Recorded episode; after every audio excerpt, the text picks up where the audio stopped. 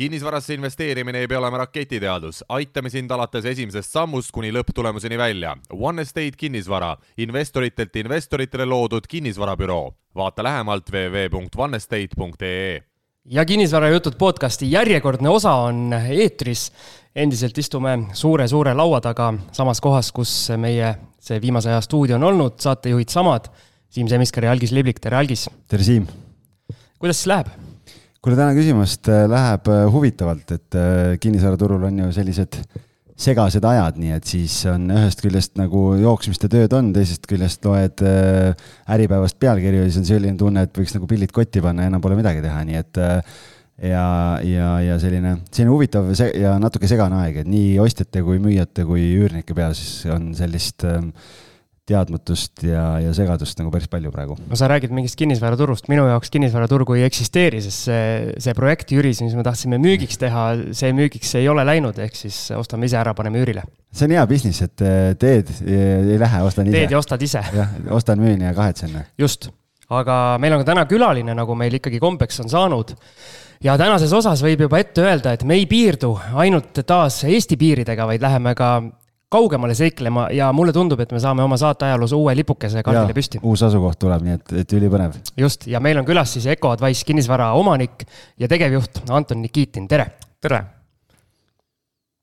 Antonit äh, ma olen tegelikult äh, saatesse juba kutsunud mõni aeg tagasi, aga tollel hetkel kuidagi, kuidagi ei saanud neid asju klappima ja, ja siis jäi nagu väike paus sisse, aga aga mina olen Antoni story't tegelikult kuulnud ühel äh, investeerimise õhtul ja, ja, ja sealt, sealt äh, nagu jäi kõrvu see, et, et tegelikult äh, mees nagu orkester ja, ja kui me täna siin hakkame kaevama kogu seda teekonda, siis ma arvan, et siin on nagu päris põnev, sellepärast et etteruttavalt saab ära öelda ka seda, et, et need nii-öelda juured ulatuvad juba eelmise kriisi eelsesse aega pikalt veel, nii et siis me saame siin päris põneva retke just, et Anton, sa kirjutasid meile nii-öelda väikese memo eh, oma taustast ja mm -hmm. senistest tegemistest mm -hmm. ja seal asjad algavad aastal kaks tuhat. et see on nii-öelda päris kauge minevik, aga enne kui me sinna minevikku kaevame, millega sa praegu tegeled, et no, räägime need jutud ära. okei okay., noh, kõigepealt mees nagu orkester, nagu see on huvitav, ma ei tea, kas see on kompliment või solvang on ju, et noh et aga noh, see kompliment oli pigem, no okei okay,, siis nagu ma võtan seda siis nagu vabalt on ju, see oli kompliment.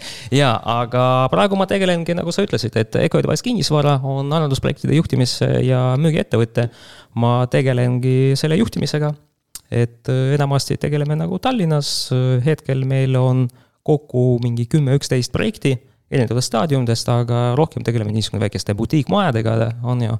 et eh, Kristiines oleme palju teinud, praegu Põhja-Tallinnas teeme, praegu meil eh, Kristiines külaliskorteriga üks maja müügis, on ju, et eh, noh, see ongi, ütleme, arendusprojektide juhtimine, otsime kinnistuid, on olemas investorid, kellega koos teeme, jah. No aga räägi siis seesama jutt ära, millega me algisega alustasime, et mi-, mismoodi või millisena sina praegu kinnisvaraturgu näed siin ah,? väga huvitavalt on ju, et ütleme, ma, kuidas öelda, et noh, on selge, et ütleme, päringut on vähem.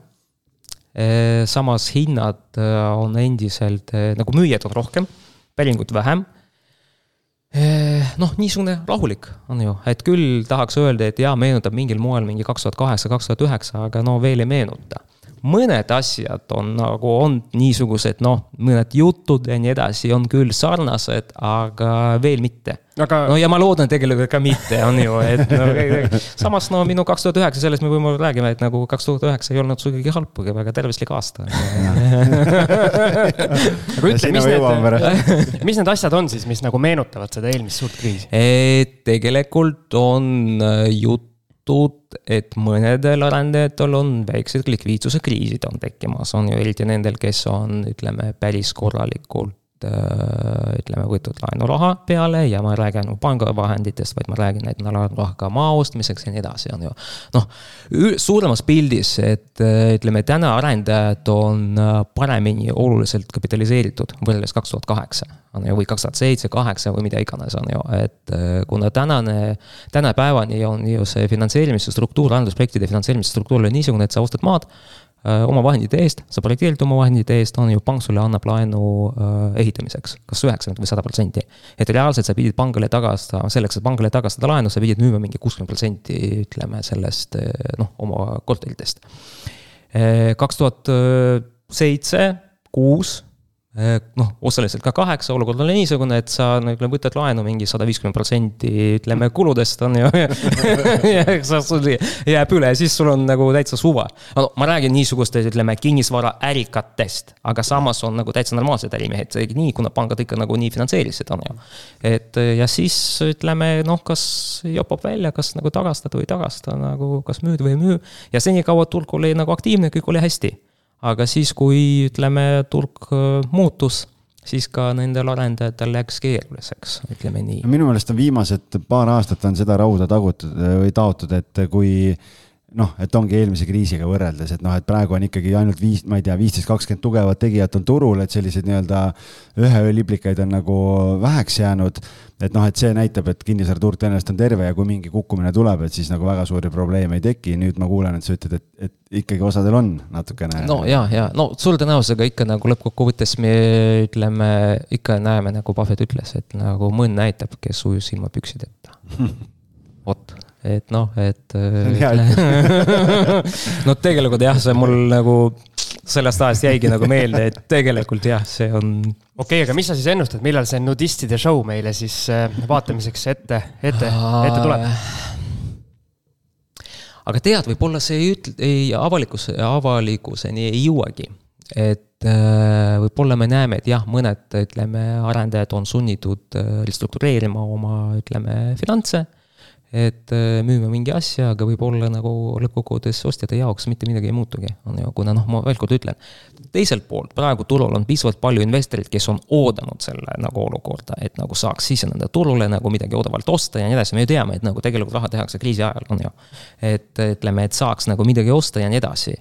ehk äh, jah, võib-olla mõnedel on probleemid, aga ma ei usu, et äh, sellest tuleb nagu niisugune nagu mingi kaks tuhat kaheksa, kaks tuhat üheksa isegi oli koduleht tehtud eraldi, ma ei tea, kes see tegi, aga oli koduleht, kus oli näidatud, kõik oli nagu keegi nagu jälgis kõiki arendusprojekti ja pani kirja, et millised allahindlused pakutakse et noh, ma ei usu, et me selleni, selle, sinna jõuame no,. siin vaata nüüd mõni ärksam kuulaja võtab kohe siin kohe kinni ja hakkab kohe jälgima, et, et saame huviga näha siis, kui see lehekülg välja tuleb. just aga ma ei tea, liigume siis sinna aastasse kaks tuhat, et eh, kuidas eh, sinu jaoks eh, see kinnisvaramaailma või kinnisvaramaailma uks siis avanes või kuidas see alguse sai kõik? okei okay,, no alustame nagu haridusest on ju, et mul on kaks haridust, üks on juuraharidus ja üks on majanduse haridus, ma isegi õppisin pool aastat doktoriõppes, on ju, see oli kolmas katse ja, aga siis lõppkokkuvõttes kolmanda katsega nagu astusin sisse, õppisin pool aastat ja selgus, et see on päris igav, on ju, et noh, vähemalt minu jaoks. eriala oli igav või doktoriõpe? doktoriõpe ei ole igav, on ju, ma eelistasin golfi. et nagu, jah, et aga noh, sain kogemuse, et ja, aga tol ajal äh, mul täitsa inglise keel oli suus ja siis äh, oli vajalik äh, projektijuht et ühel ettevõtte, ehitusettevõttel oli kinnistu kesklinna, südalinnas on ju, ja nemad kavatsesid seal Soome investoriga teha hotelli ja siis oli vajalik nagu projektijuht, kes tegelekski nagu selle asjaga, noh, rohkem see oli projektijuht, projektijuhi nagu juhi assistent nagu just selles küsimuses on. Ju, ja siis noh, kuna mul majandusteaduse teadmised nagu mingid olid, ütleme, keel oli suus, et siis mind lihtsalt ütleme, kutsuti selle ehitusettevõttesse, ütleme nagu noh, olla abiks ja nii edasi ja siis nagu alustasime sellega nagu edasi-edasi, siis hotell ei tulnud, aga siis olid veel see kinnistu, siis veel olid mõned kinnistud, mida oleks võimalik nagu korterelamuteks, korterelamute arenduskinnistud on ju. ja siis äh, otsustasime, et arendame. ja algselt olin nagu projektijuht ja päris kiiresti sain selle noh, nimetame osakonna ametlikult, osakonna juhataja on ju, et. pagunid peale, jah? jaa, pagunid peale, aga noh, samas ma ütleks nii et noh, praegu vaadates muidugi ütleme, ma olin noor. Äh, mul olid teoreetilised teadmised, aga ütleme, kogemus, ütleme ja see niisugune elukogemus ja suhtlemiskogemus ikka oli nagu noh, ei olnud nii nagu praegu on ju, ütleme. Äh, aga vaatamata sellele mul oli alluvuses mingi, ma ei mäleta, kas seitse või kaheksa inimest ja siis me nagu me tegelesime nagu kinnisvaraarendusega Eestis, on ju, et ja kui ma ei eksi, tol ajal nagu see maht oli mingi, projektide maht oli kas äh, kuue miljoni euri paiku või mida iganes. Ja mina olin mingi kakskümmend neli, kakskümmend viis, umbes nii.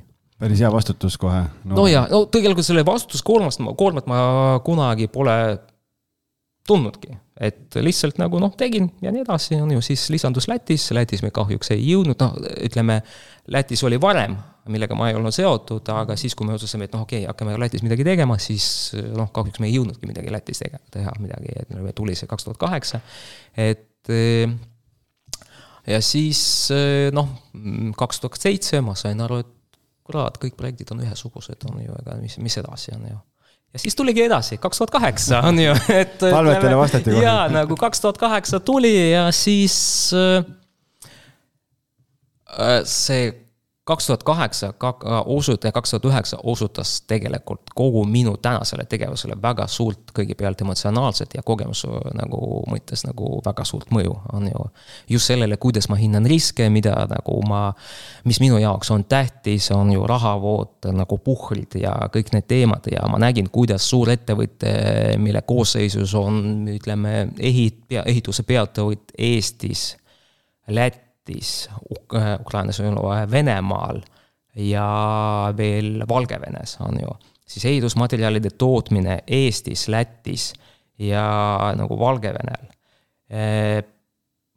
mis veel oli, kinnisvaraarendus, noh, mina tegelesin nagu Eestiga ja osaliselt Lätiga on ju, aga veel oli nagu Ukraina, midagi oli Venemaal ja midagi nagu Valgevenes ka oli et kuidas see suur kontsern tol ajal käibega mingi, ütleme noh, üle miljardi krooni, ehk see on mingi seitsekümmend miljonit euri, on ju, midagi sarnast, et kuidas see hakkas minema nagu vee alla. ja. päris huvitav. aga mul on enne üks küsimus, kui me sinna suurde kriisi jõuame, et kuidas need aastad, see kaks tuhat kuni siis sinna kriisi, et kas juba kahe tuhandete alguses hakkas see nii-öelda metsik lääs pihta, et ja, jah, mingi kaks tuhat, ma ütleks nii, et nagu mingi kaks tuhat neli, kaks tuhat viis, nagu võib-olla isegi rohkem nagu kaks tuhat viis on ju see Metsik Lääs hakkas, et see Metsik Lääs oligi nagu mingi. et see ikkagi no, kaks, kestis ikka mitu-mitu aastat. kaks-kolm aastat jah, jah, jah. et see ei olnud päris nii, et nüüd. ei, ei, ei, ei, ei. me oleme siin varem ka saadetes rääkinud, et siis oli see tunne inimestel, et noh, mitte midagi ei saa viltu minna, kas mäletad sa ka seda tunnet või? Ehm, hea küsimus. tead no omades tänase kogemuse, ma muidugi ütleksin, et eh, ütleme noh, ma ei ütle kogu, ainult enda jaoks, aga kogu ettevõte, et me pidime olema nüüd niisugused, ütleme, ettevaatlikumad, jah, seda küll et aga samas noh, jah, kinnisvarahinnad kasvavad, on ju, ja nii edasi, et nagu mis siin ikka, noh, meil on ka viimased aastad, me oleme näinud, et kinnisvarahinnad on kasvanud, aga lihtsalt nagu ütleme. see tegelikult noh, enne seda oli kriis mingi, mis see oli, kaks tuhat üheksakümmend kaheksa või? seda ma ei tundnud, noh, seda, selle kohta mul kogemust ei ole, aga noh, ütleme, aga just noh, kinnisvarakriis see oli niisugune konkreetne kriis, see oli esimene kord, mida me tundsime, on ju. ja ega nagu paljudel kogemust ei olnud ja täna me ka vaatame, meil on olemas äh, täitsa tublid noored tegijad, kellel ei olnud seda kogemust, et noh, ma ei taha nagu võrrelda sellised vana, vanad tegijad, uued tegijad ja nii edasi. aga lihtsalt minu sõnum on see, et tegelikult, et noh, ikka mingi hetk kõik meist tõuseb, nagu langeb, küsimus on, kui sügavalt see langeb, on ju, ja mis põhjusel see langeb. et ütleme, ja noh, iga kriis on erinev aga mis sa siis äh, sellest eelmisest kriisist selles mõttes õppisid, et mis sa nüüd oma ettevõtluses nagu teistmoodi oled teinud, et, äh, et siis nii-öelda neid riske maandada enda jaoks? Äh, kõige tähtsam on rahavoo. et see oleks, ütleme ikka nagu sel põhjusel ma tegelengi, noh, me jõuame sinnamaani nagu üldkinnisvaraga, on ju. teine on piisavad rahapuhvrid. et et eh, noh, igaüks hindab enda jaoks, palju see on, nagu üks ütleb, temale piisab nagu pooleks aastaks, teine ütleb nagu aastaks on ju, et kolmas ütleb nagu kolmeks aastaks peavad puhvrid olema äh,. laenud, kuidas mina nagu noh, ütleme, on selge, et kinnisvaraäri on nagu laenude äri, et äh, ikka nagu sa kasutad finantsvõimendust, et äh, ma pidevalt vaatan, et mul äh, laenulepingud oleks uuendatud. et ei oleks olukorda, et mul laenuleping järgmisel aastal lõpeb et nagu vähemalt kaks aastat ette on ju, noh. ma just täna nagu sõitsin äh, ja kuulasin Äripäeva raadiot, tada, reklaam, et äh, aga, ja kuulasin ja seal üks, ma ei mäleta, mis, kes ta oli, aga ta rääkis tegelikult sama asja, mille peale mina omal ajal mõtlesin, ma mõtlesin, et see kriis tuleb tegelikult või tagasilöök tuleb kaks tuhat üheksateist. ja kaks tuhat üheksateist seda ei tulnud ja see mees rääkis samad sõnad, mis, mille peale mina mõtlesin, on ju, et noh, ma olen Exceli inimene, ma enda jaoks arvutasin, kas mul on nagu mõttekam nagu väljuda või mis teha ja nii edasi, et nagu võib-olla see kaks tuhat üheksateist nagu tuleb kriis. aga siis ütleme, seda ei tulnud, tuli kaks tuhat kakskümmend, on ju, kaks tuhat kakskümmend, mida tehti? rahamajandusse, täiega rahamajandusse ja see muutus, muutis kogu ütleme äh, noh, finantseerimise struktuuri ja kuidas inimesed suhtuvad rahasse ja nii edasi. ja mis oli kaks tuhat kakskümmend juba selge, et edasi tuleb inflatsioon seda me näemegi, on ju. aga mis ma veel väga hästi mäletan, et juba kaks tuhat kaheksa, kaks tuhat üheksa, noh pigem kaks tuhat üheksa räägiti sellest, et tegelikult järgmine kriis võiks olla seotud äh, äh, riigivõlgadega, võladega. et nagu see sovereign debt, debts.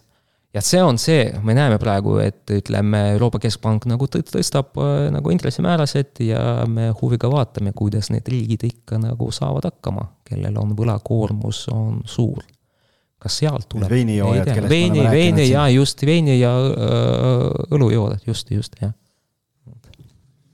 aga see, noh, kui, kui nüüd mõelda selle peale, et see, kui me mõtleme nüüd selle eelmise kriisi peale, noh, mina selles mõttes äh,, ma pean ausalt ütlema, ma ei olnud enam nii noor mees, aga ma olin tavaline palgatöötaja, vaata, ja mina kuidagi nagu ei ole. tavaline rullnokk või? tavaline jah, suvaline elu põle- eh,, elu nautija. kas sul S8 oli juba tol ajal Audi või? ei olnud või? no näed. nii kaugele polnud jõudnud. et mul läks nädalavahetusel öölokaalidesse liiga palju raha ära, et mul Audi jaoks raha ei jäänud. aga maakleri jaoks oli tavaline teema, on ju. et eh, nojah, et selles mõttes ma seda, seda aega nagu ei tea, aga kui sa nüüd mõtled ise nagu tagasi selle peale ja ja, ja võib-olla nagu, kui me kaebame veel natukene sinna, sinna eelmise selle nii-öelda majanduskriisi sisse, et siis tegelikult, kui sa mõtled nüüd selle ettevõtte peale, kus sa olid ja kui sa lugesid seda nimekirja kõike seal, mis te tegite, need ehitusmaterjalide tootmised ja ehitused ja arendused ja kõik asjad ja, ja noh sa räägid, üle miljardi krooni oli käive, on ju, mhm. et noh, üks asi oli see, et sul kindlasti see õppimiskõver oli nagu päris võimas seal ja, ja seesama pagas, mis sa kaasa võtsid, aga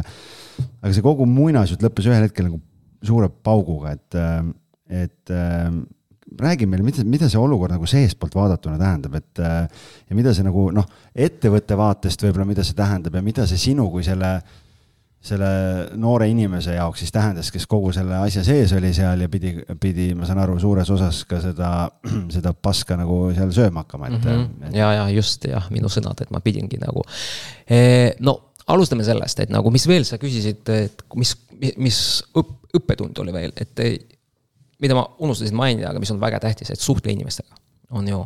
suhtle oma meeskonnaga, suhtle võlausaldajaga, suhtle pankadega, et ütleme, see oli ka väga tähtis. pea liiva alla panemine ei aitagi. jah, jah, nagu suhtle, on ju, et see oli väga tähtis, et nagu sa kunagi ei tea nagu, kuidas sulle, ütleme, teised inimesed saavad olla abiks, nagu on ju.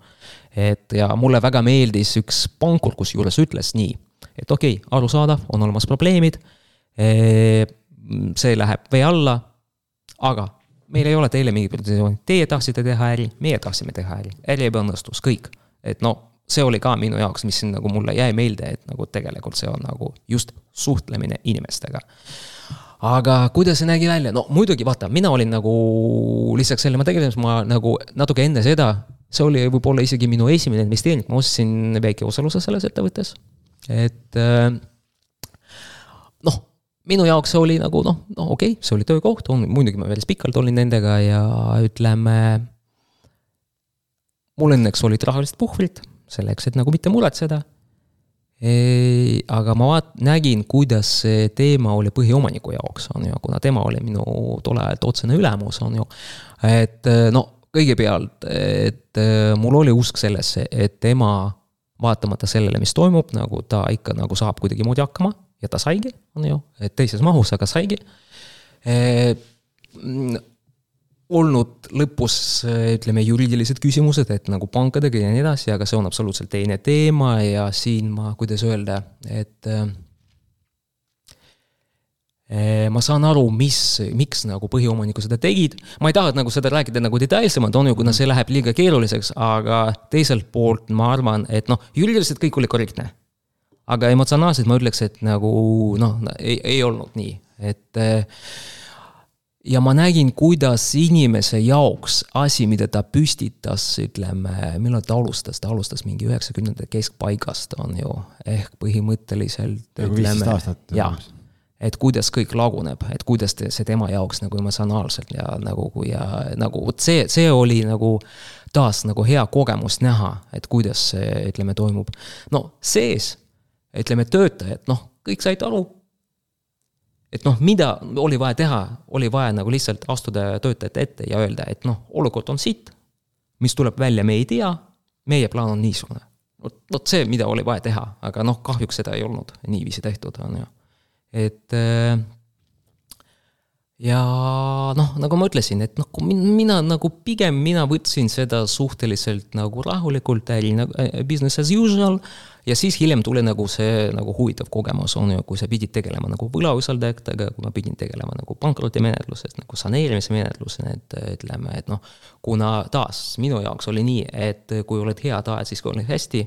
kui on halvad ajad, siis ma sain aru, et nagu noh, kuidas öelda, et noh, see on minu töö kas mulle praegu makstakse selle eest või mitte, see on eraldi teema.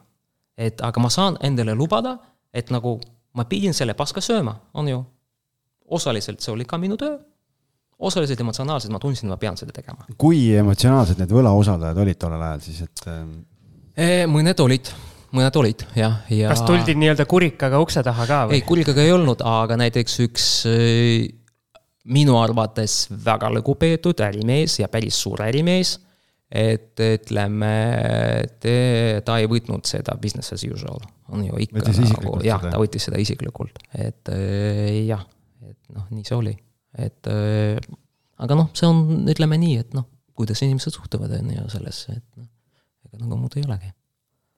aga siis äh, tuli see suur majanduskriis mm. -hmm mis nagu sina konkreetselt seal edasi siis tegema hakkasid? no kaks tuhat kaks tuhat kaheksa ma tegelesin nende pankrotimenetlustega on ju ja saneerimise, siis nagu pankadega päris palju suhtlesin nii Eestis kui ka Lätis. ja siis äh, kaks tuhat üheksa osaliselt ka, aga aprillis ma hakkasin mängima golfi et äh, ütleme ja mm. tegelikult selle hooaja lõpuni ma mängisingi nagu golfi. et enda organism nagu puhtaks saada. ja, ja, ja, ja see oli nagu, mis oli veel huvitav, oligi see, et tegelikult mingi kaks tuhat kuusteist, kaks tuhat seitseteist ma kuulsin kuskilt, äh, ütleme, istusin mingi seminaril ja oli jutuks, et no vot, kaks tuhat üheksateist nagu majandus kukkus nagu viisteist protsenti või neliteist koma üheksa, midagi sellist, mis mõttes nagu viisteist protsenti nagu ei saa olla, läksin nagu Statistikaameti kodukeele nagu vaatasin, no tõesti. Äh, golfiväljakus seda polnud tunda golfiväljakul kõik oli hästi. ma mõtlen kaks tuhat, et kaks tuhat üheksa. ja, ja, ja, ja sa tuled nagu hommikul, ütleme noh, mõned päevad nägid nii välja, et äh, sa tuled hommikul äh,. sööd hommikusöögi seal mingi kella nagu üheksa paiku, natuke harjutad, mängid esimese ringi. Siim, kui sa, sa ei tea, üks golfiring, kaheksateist äh, rada on umbes sihuke kolm kuni neli tundi. no neli jah, neli ja. tundi jah, umbes jah. ma natuke ja. olen kursis. jah, siis ütleme, sööd lõuna siis äh, harjutad natuke, natuke puhkad, mängid teise ringi, on ju siis lähed äh, sauna, on ju, ja kell üksteist koju, on ju, et nagu ilus elu. hea töö, hea tööpäev. hea tööpäev, on ju. algis äh, Siimul Vaidal on see, Siimul Vaidast on see pluss, et Vaidas see Rae golfiväljak on jalutuskäigu kaugusel. aa, no vot, aga Siim Vaidast ei ole kunagi sinna jõudnud, sest ta on Kelluga korteris. jah. vot, et ja siis noh aga noh, see oli mingi aeg, et nagu oli selge, et nagu mingi hetk ma pean nagu midagi tegema edasi, on ju, aga noh, siis ma võtsingi nagu kaks tuhat üheksa tegelesin mingite sabadega, mis olid, on ju, aktiivselt ma ei ole midagi teinud. ja kaks tuhat üheksa lõpupoole, kui see golfihooaeg nagu lõppes, ma hakkasin vaikselt nagu edasi toimetama.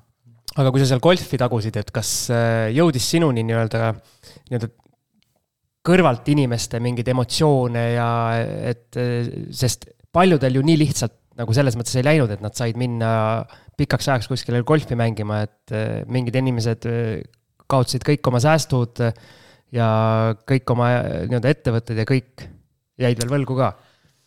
jah, muidugi. Ja ajakirjanduses nagu ajakirjandus ka seda võimendas ka ja nii edasi, et no, et, muidugi, muidugi see oli, aga noh, veel kord, et ütleme noh, golfis oli nii rahulik. Võib-olla võib öelda, et ma põgenesin teatud mõttes, on ju, minu jaoks üldse golf on, ma praegu mängin oluliselt vähem aga noh, tegelikult see ongi, et nagu loodus, sa rahulikult kõndid, ma enamasti mängin üksi, et ütleme, et lihtsalt jalutad ise oma mõtetega, on ju, et noh.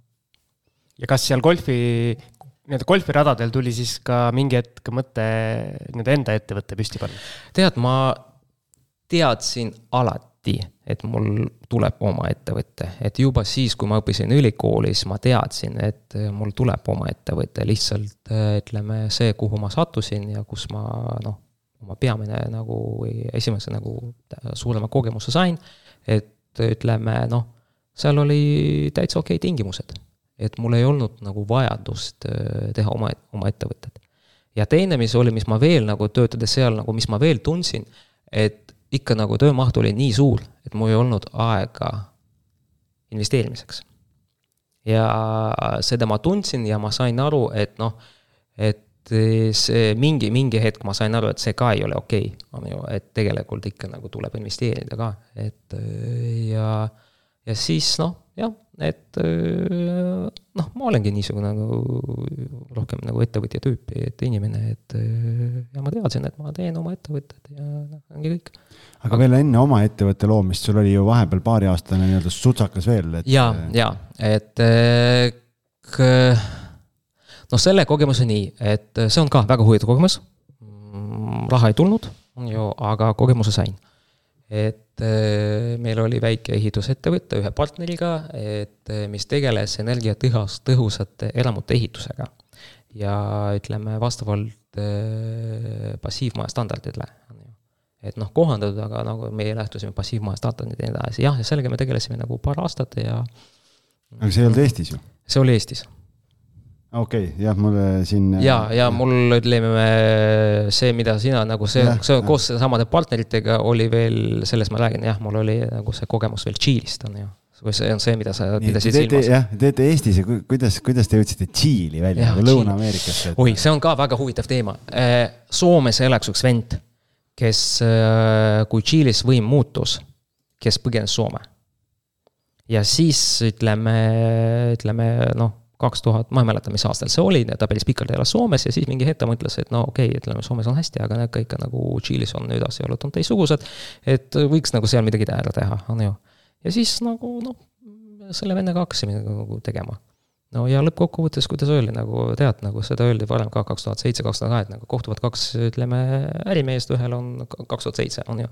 ühel on kogemus, teisel on, ütleme, kinnisvarakogemus, teisel on raha, on ju, kaks tuhat kaheksa, see, kellel oli kogemus, temal on raha, eks see, kellel oli kogemus, temal on. et ja vastupidi, on ju, kellel oli raha, temal on kogemus, on ju. et noh, Tšiiliga juhtus sama teema tegelikult, on ju, et ütleme, et noh eh, ma olin väike osanik ja minu jaoks ongi, oli vaja nagu lihtsalt vaadata, kuidas inimesed, äh, ütleme Tšiili partnerid, kuidas nad käituvad, kuidas nad asju teevad, kui läbipäästev kõik on ja nii edasi, no ja lõppes nii. mingi meeletu nagu... korruptsioon kindlasti, jah?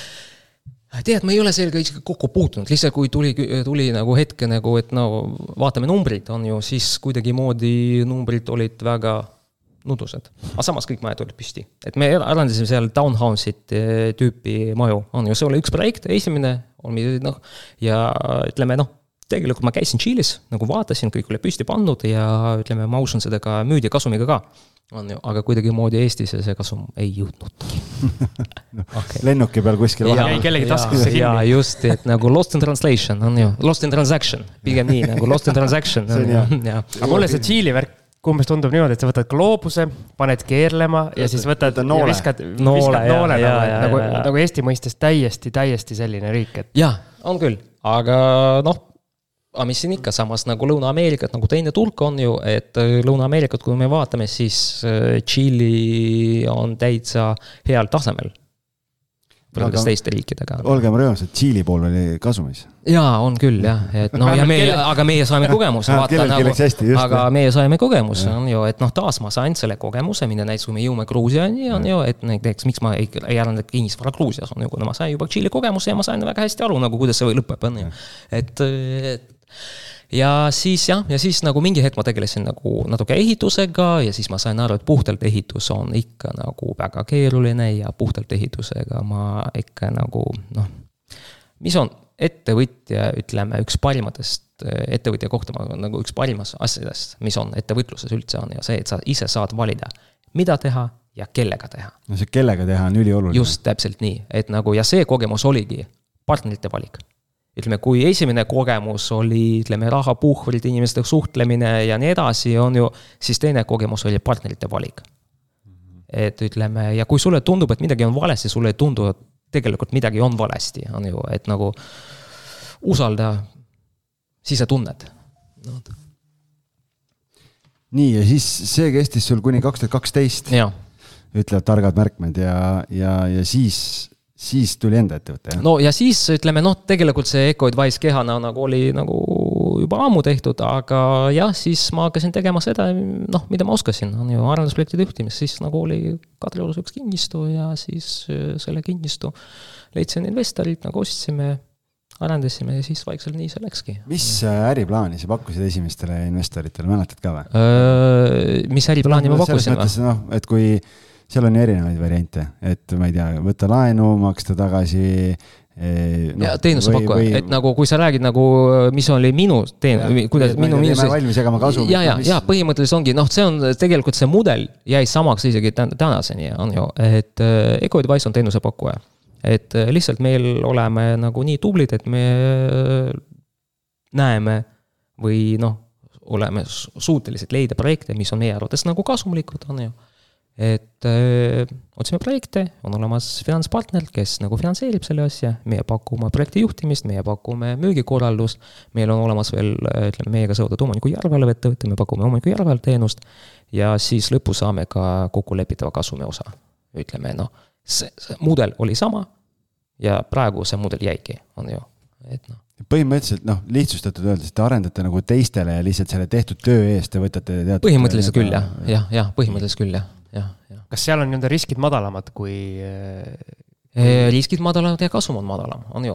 ma ütlen ausalt, et kui ma vaatan, et näiteks investoril oli projekti kestvust mingi neli aastat ja omakapitali IRR oli nelikümmend neli protsenti, siis küll ma ütleme, aastane IRR ma pean. käis jõnks läbi seest. jaa, et nagu, aga miks, aga siis ma vaatan teise projekti ja ütleme, et noh, kahjumit ei olnud aga noh, see kasum ei olnud nii magus, on ju, siis ma saan aru, et nagu ongi seal, ütleme, kuskil on olemas tasakaal. mõni projekt no, õnnestub paremini kui teine. aga noh, taas me jõuame sinnamaani, vaata, ütleme see, ütleme, esimese ettevõtte nagu kogemus oligi see nagu puhvrit.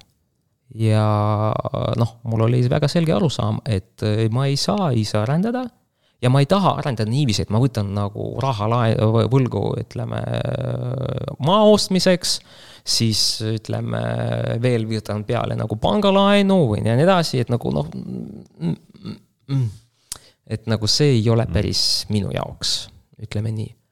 et ja sel põhjusel ma valisingi selle tee kui palju siin eh, kogu selle sellise teenuse ja ütleme, kogu selle oma ettevõtte ülesehitamisel, et kuna sul on nii juura kui majanduse taust mhm, olemas, et kui mhm. palju need on igapäevaselt nagu kasuks tulnud seal?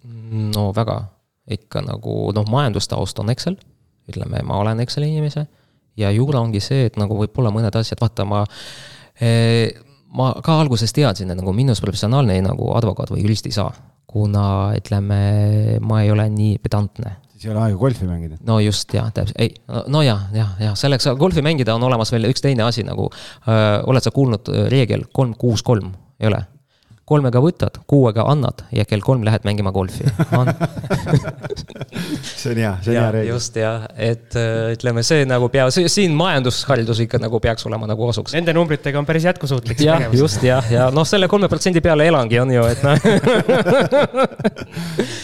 et äh, ja siis äh, mu-, muidugi oli nagu, et noh, et see tehniline taip, mis tuli, et noh, see pigem tuli kogemusega, aga noh, nagu ongi, et nagu kui sa püstitad oma nagu me, teed oma meeskonda, sinu ümber peavad olema inimesed, kes on targemad kui sina ja ütleme, kes öö, oma alas on suuremad spetsid, kui sina oled. mina nagu võib-olla paremini näen nagu tervikpilti, on ju, aga minu meeskonnaliikmed on oma alades nagu kindlasti on. kui suur tiim sul on praegu? praegu meil on üheksa inimest. ütleme nii, noh, nad ei ole kõik nagu palgatöötajad, on ju, aga lihtsalt Äh, välja kujunenud koostööpartnerid, kellega me teeme, aga me ikka nagu, mina käsitlen neid oma tiimina ja ütleme, need äh, noh, meeskonnaüritused ja blablabla bla,, et noh. mina püüan Eco Advice'is olla tegelikult isegi mitte nii palju kui tegevjuht, kui palju on chief happiness officer, mõnedes ettevõtetes on koer, aga Eco Advice'is olen mina, ju, et noh. et, et noh, mina pean tagama seda, et äh, minu meeskonnal oleks kõik hästi, et, et nendel oleks meeldiv koos olla ja, ja ja liikuda noh, kokkulepitud nagu suunas. et see on minu eesmärk, on ju, et noh, ja ma usun, kui kliendid nad oluliselt paremini teevad ise kui mina. kui, mis positsioonil te täna siis arendajana olete, selles mõttes, et kui kui aktiivselt sa praegu ise otsid äh, uusi, uusi projekte ja asju vastavalt, tulles tagasi sellele, millest me täna alustasime üldse? ja, ja no, ei no me vaatame küll jah, me vaatame küll, et noh, üks reeglites oli ka alati see, et äh, ja muidugi, vaat näiteks kui meile midagi pakuti kaks tuhat seitseteist ja keegi teine ostis ja kaks tuhat üheksateist nagu lõpetas selle projekti väga hea kasumiga, muidugi mul on kahju, aga lihtsalt kaks tuhat seitseteist, kui ma löön tänased ehitushinnad sisse Excelisse, kui ma löön täna äh, Excelisse tänased müügihinnad ja äriplaan ei tule välja, no ei ole äri, on ju. et nagu see ongi see, et nagu kuidas ma nagu hindan riske, et no mina ei saa nagu prognoosida, kas ehitus, kas noh, ütleme müügihind, kas see kasvab, kui palju see kasvab ja nii edasi, et nagu minu jaoks on tähtis see, et äriplaan töötaks täna. kui täna on olemas nõutav tulunorm, siis võib kaaluda, et küll ma olen nõus, et kui täna me vaatame, siis ütleme noh, kui pangad teevad stress-testid juba ütleme üheksa protsendiga, on ju muidugi meie ka nagu teeme oma stress-testi nagu sellega, aga mis on juhul, kui ütleme, ehitushind jääb samaks, aga müügihind ikka nagu läheb mingi kümme või viisteist protsenti nagu alla. mis sellisel juhul, kas me oleme ikka kasumis või me oleme kahjumis, on ju.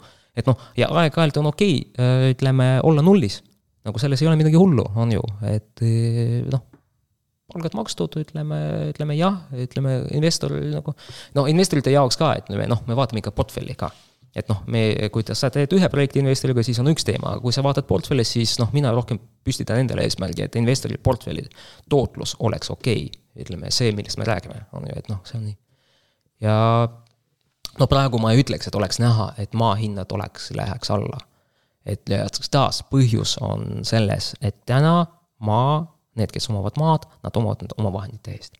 ja siis, kui nad näevad, et kuradi inflatsioon on mingi kakskümmend nagu pluss protsenti, et noh, milleks ma seda odavalt müün, on ju, küll mõned, mõnedel nagu hakkab põlema ja siis noh, aga ma usun ka praegu nagu, millest me rääkisime ka, et need investorid, kes tahaks siseneda, ütleme, neid on väga palju ja nagu väga paljud istuvad ja ootavad lihtsalt, et noh, sel põhjusel see nagu võib tasakaalustada selle võimaliku hinnalanguse. väga äge ma arvan, kui me nüüd eh, nii-öelda selle ettevõtluse osa äkki lõpetasime, siis teeme väikese kõllipausi ja lähme edasi siis juba isiklikku portfelli kaevama mm. -hmm. Mm -hmm. ehk si nagu orkester, jah? just, see okay. orkestri see viiulisoolo tuleb siis pärast kõlli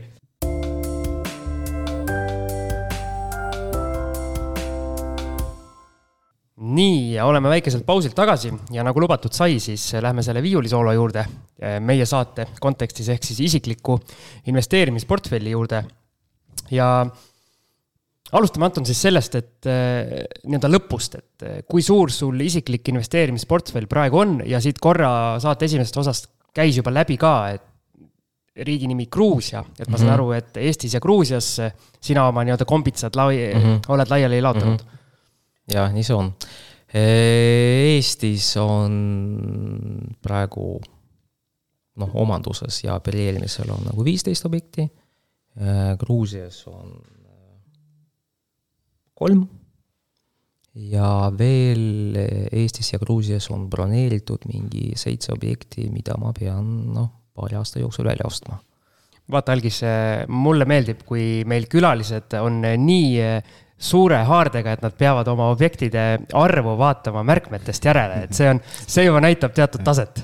jah, et äh, kui aeg-ajalt keegi saadab meile, et meili, et nagu, et helistage, meil on nagu siin küsimus või näiteks mingi haldur kirjutab, et no vot, ja siis minu esimene küsimus, mis objektist me räägime jaa, aga see tegelikult äh, noh, see on ju ikkagi, ütleme, kui sul on seitse tükki tulemas ka, et äh, võib-olla veel, tuleme tagasi sinna esimese saate poole juurde siis, et äh, et sa oled võllid ära teinud nüüd ja ootad, et need valmis saaks, et, et kuidas see, sa ütlesid ise, et rahavood peavad korras olema mm, -hmm. et mhm. selles plaanis see kuidagi sind ärevaks ei muuda, tundub, et kõik on kontrolli all ja põhimõtteliselt küll jah, et noh, taas ütleme, need võllid, mis on tehtud, ütleme, see jaga, jaguneb nagu ütleme, põhimõtteliselt see järgmine aasta. et meie väljaostuaeg ja turuväärtus on võrreldes ostuhinnaga on kakskümmend protsenti kõrgem. Okei okay,, et aeg on aidanud kaasa ja, ja isegi kui midagi ja, kukkuma peaks, siis tegelikult ja, suures siis, plaanis ei ole hullu. jah, jah, seda küll jah okei okay,, aga räägime esimesest ostust siis, et tuleme nüüd finišist nii-öelda siis sinna starti, okay, starti okay, tagasi, et okay. kuidas see kõik isiklikus plaanis algas? tegelikult need olid kolm ostu üheaegselt. et ma ostsin kolm objekti selles samas arenduses, kus ma töötasin, et ütleme, kolm objekti ostsin ja sellest kolmest objektist ütleme, kaks mul on endiselt alles. see jäi siis aastasse kaks tuhat? no broneeritud oli nagu kaks tuhat seitse ja siis väljaost kaks tuhat kaheksa, jah, jah, põhimõtteliselt küll, jah, et ja üks nendest oli väike äripind no ühes ma elasin, on ju, et okei, see on praegu välja nagu üürimisel, aga üks oli väike äripind, ütleme, südalinnas. selle aja jooksul, aastast kaks tuhat kaheksa, see oli vaba, ma arvan, kokku võib-olla kolm-neli kuud. Ehk nagu alati oli üürnik, kes tahas nagu see, tahtis seal sees olla, et nagu selles mõttes see on. kus see arendus oli, kus aladus oli? see on Tatari tänaval. kesklinn? jah, noh, südalinn, jah, jah ja., südalinn, jah et ja ütleme, see oligi esimene, seal oli veel üks ühetoaline korter ja selle ma pidin maha müüma, on ju, müüsin nulliga, et nagu kahjumit ei olnud. et müüsin nulliga, kuna seal peal oli lühiajaline laen, ütleme pangalaen mingi kahe või kolme aastane või mida iganes on ju, et. Ja siis noh, et ei ole hullu. ja see olid siis ja järgmised aktiivsed ostud olid juba aastas vist üksteist, ma arvan, võib-olla kümme, üksteist ma ostsin ühe asja Ektorneti käest. Et kuna Ektornet, see noh, kes ei tea, on ju, see on Swedbanki keha, kes, mis oli asutatud selleks, et enampakkumistel, jah, pankrotivara enampakkumistel ja nii edasi. ja see oli üks viimastest asja korteritest, mis nendel oli alles, täitsa okei okay, korter Veereni tänaval. aga mis oli selle pluss, on see, et pank pakkus väga head finantseerimistingimusi.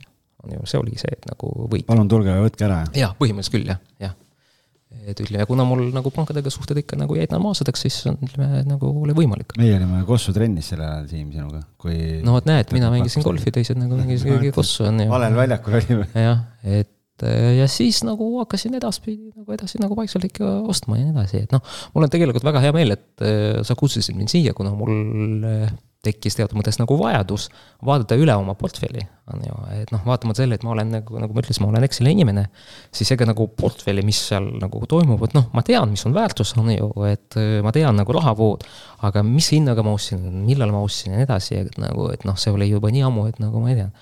ja siis ütleme, ja edasi hakkasin nagu vaikselt nagu ostma, vastavalt võimalustele, on ju, et ja noh, täna on tootlus äh, kaheksa koma üks protsenti. kogu portfelli pealt? kogu portfelli pealt, välja arvatud Gruusia, Gruusias midagi, on ju. ja siis, kui ma ostan need asjad või mitte kui, aga millal ma ostan need asjad, mis on, ütleme praegu ehitamisel, siis see tootlus langeb ja see tuleb mingi kuus koma viis vist või midagi sarnast. see on rahavoo baasil või seal on äh, väärtuskasvud, asjad kõik siis seal? see on rahavoo, see on rahavoo, väärtusest ütleme, väärtus on kasvanud ja. veidi aastast kaks tuhat kaheksa natukene. alguses ei saanud aru, kas nad on nalja või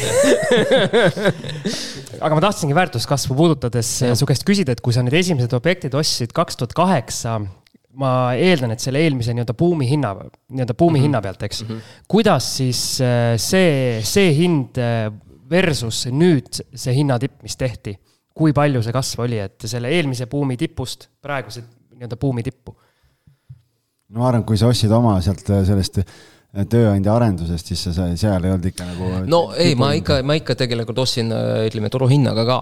et ütleme lihtsalt, ma praegu mõtlen, et no minu arust tol ajal mingi nelikümmend tuhat krooni oli tipp, ehk see on natuke alla, kui see, see, see, kui see on sinu küsimus, see on natuke alla kolme tuhande euri.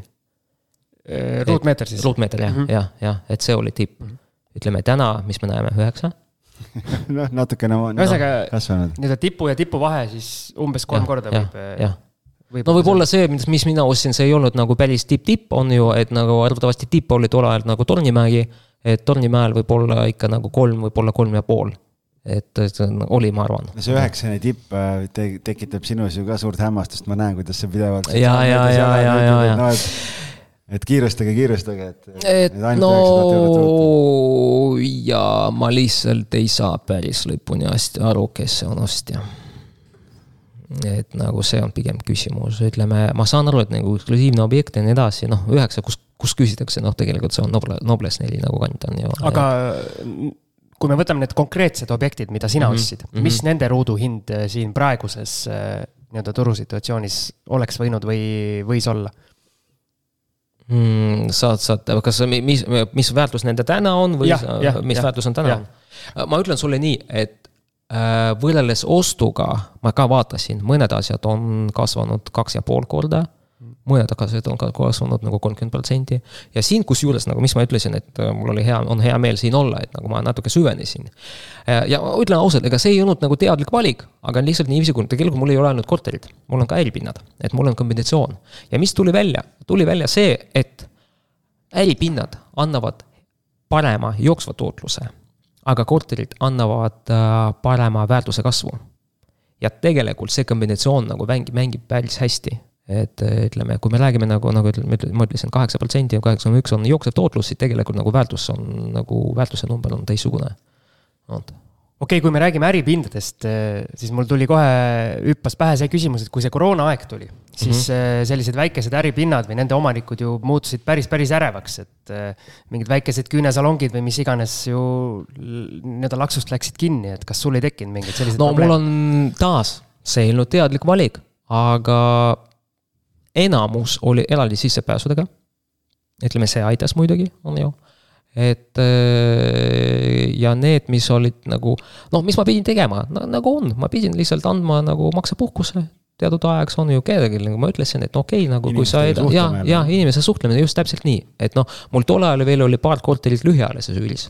vot seal ma nagu kohe, mis ma tegin, ma, kui see koroona algas, ma esimese kahe nädalaga kõik rendisin välja et nagu kõige kiirem tehing oli nii, nagu ma teen nagu Facebooki postitus, keegi, keegi share ib järgmisel päeval, nagu inimesed tulevad kohale.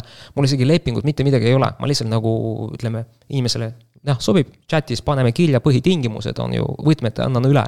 kõik minu jaoks on tehtud, on ju, et noh, ja siis teeme lepingu, et noh. sa reageerisid nagu kiirelt mm? -hmm see oligi see, et noh, tegelikult noh, algis võib-olla nagu paremini kui mina teab, et nagu mitte võib-olla, nagu sa jah ja., sa paremini teadki. väga nagu. valusalt seda no,. aga just. miks sa reageerisid nii kiirelt, kas sa olid siis kindel, et see, no näiteks minul oli mingi selline kuidas ma ütlen, ma ei tea, on see kaitserefleks, ma, ma arvan, ma mingi kuu aega, kui kõik kinni oli, arvasin, et noh, see ei saa tõsi olla, et see nii tõsine asi on, et äh, nagu. see on ju raha ei, ma mõtlen seda, noh.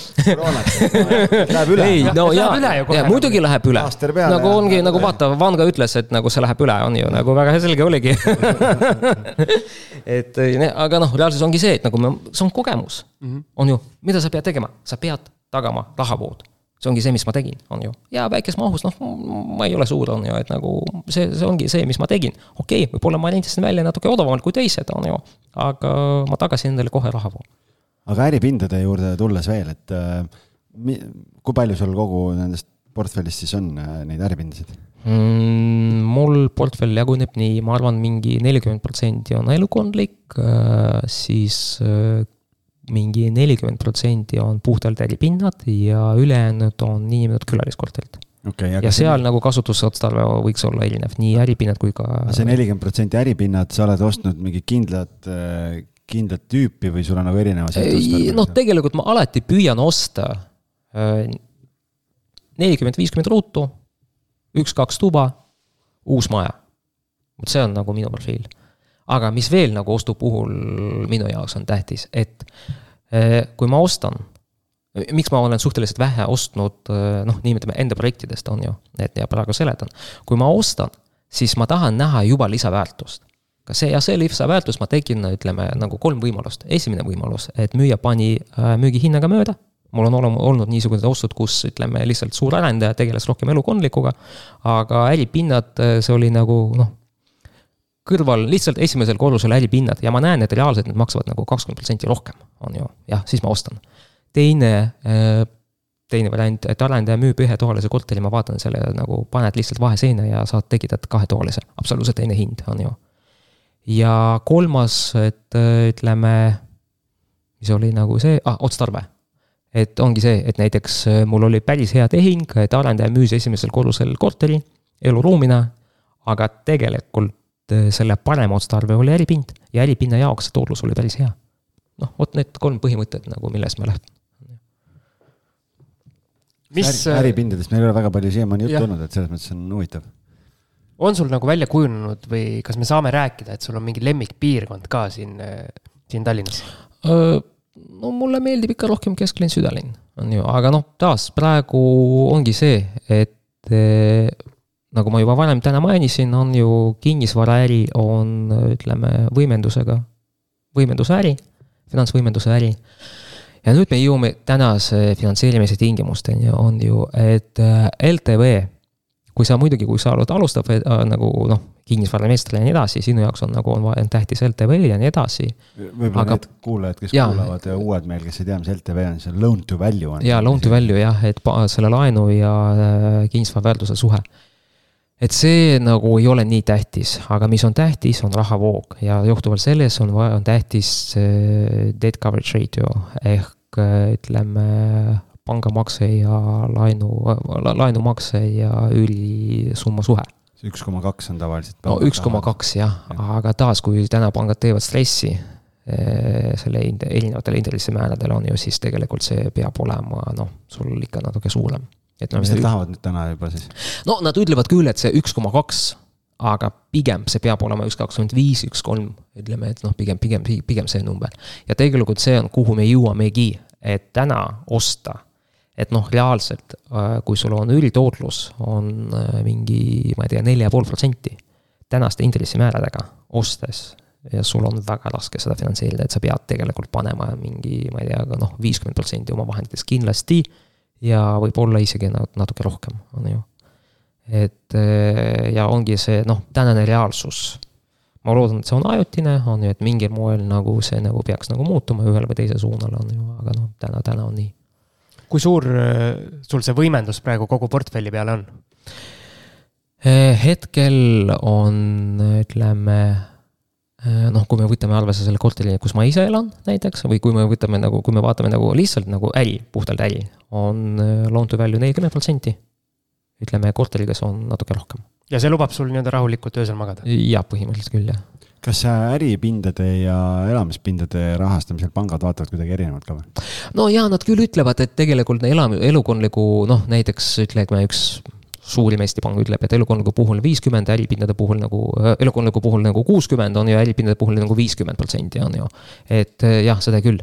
aga noh, lõppkokkuvõttes nad vaatavad ikka nagu, kui sul portfelli, siis nad vaatavad nagu portfelli ja ütleme, mingi hetk mul oli nii, et tegelikult mul ostud, ostud olid finantseeritud sajaprotsendilise pangaga kuna seda lubas nii rahavõõk kui ka loan to value.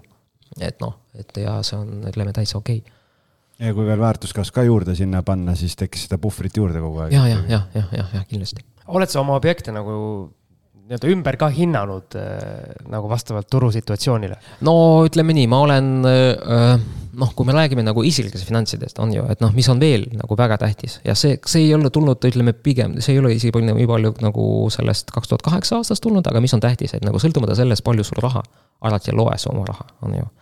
ja noh, mis mina teen, ma ütleme ma ei saa öelda, et ma nii palju nagu jälgin nagu kulusid, kui palju ma jälgin äh, vaba rahavoo olemasolu. Ja siis äh, paar korda aastas ma ikka vaatan, mis on net worth, on ju ja mul on olemas oma arvamus, mis on need äh, objektide väärtus.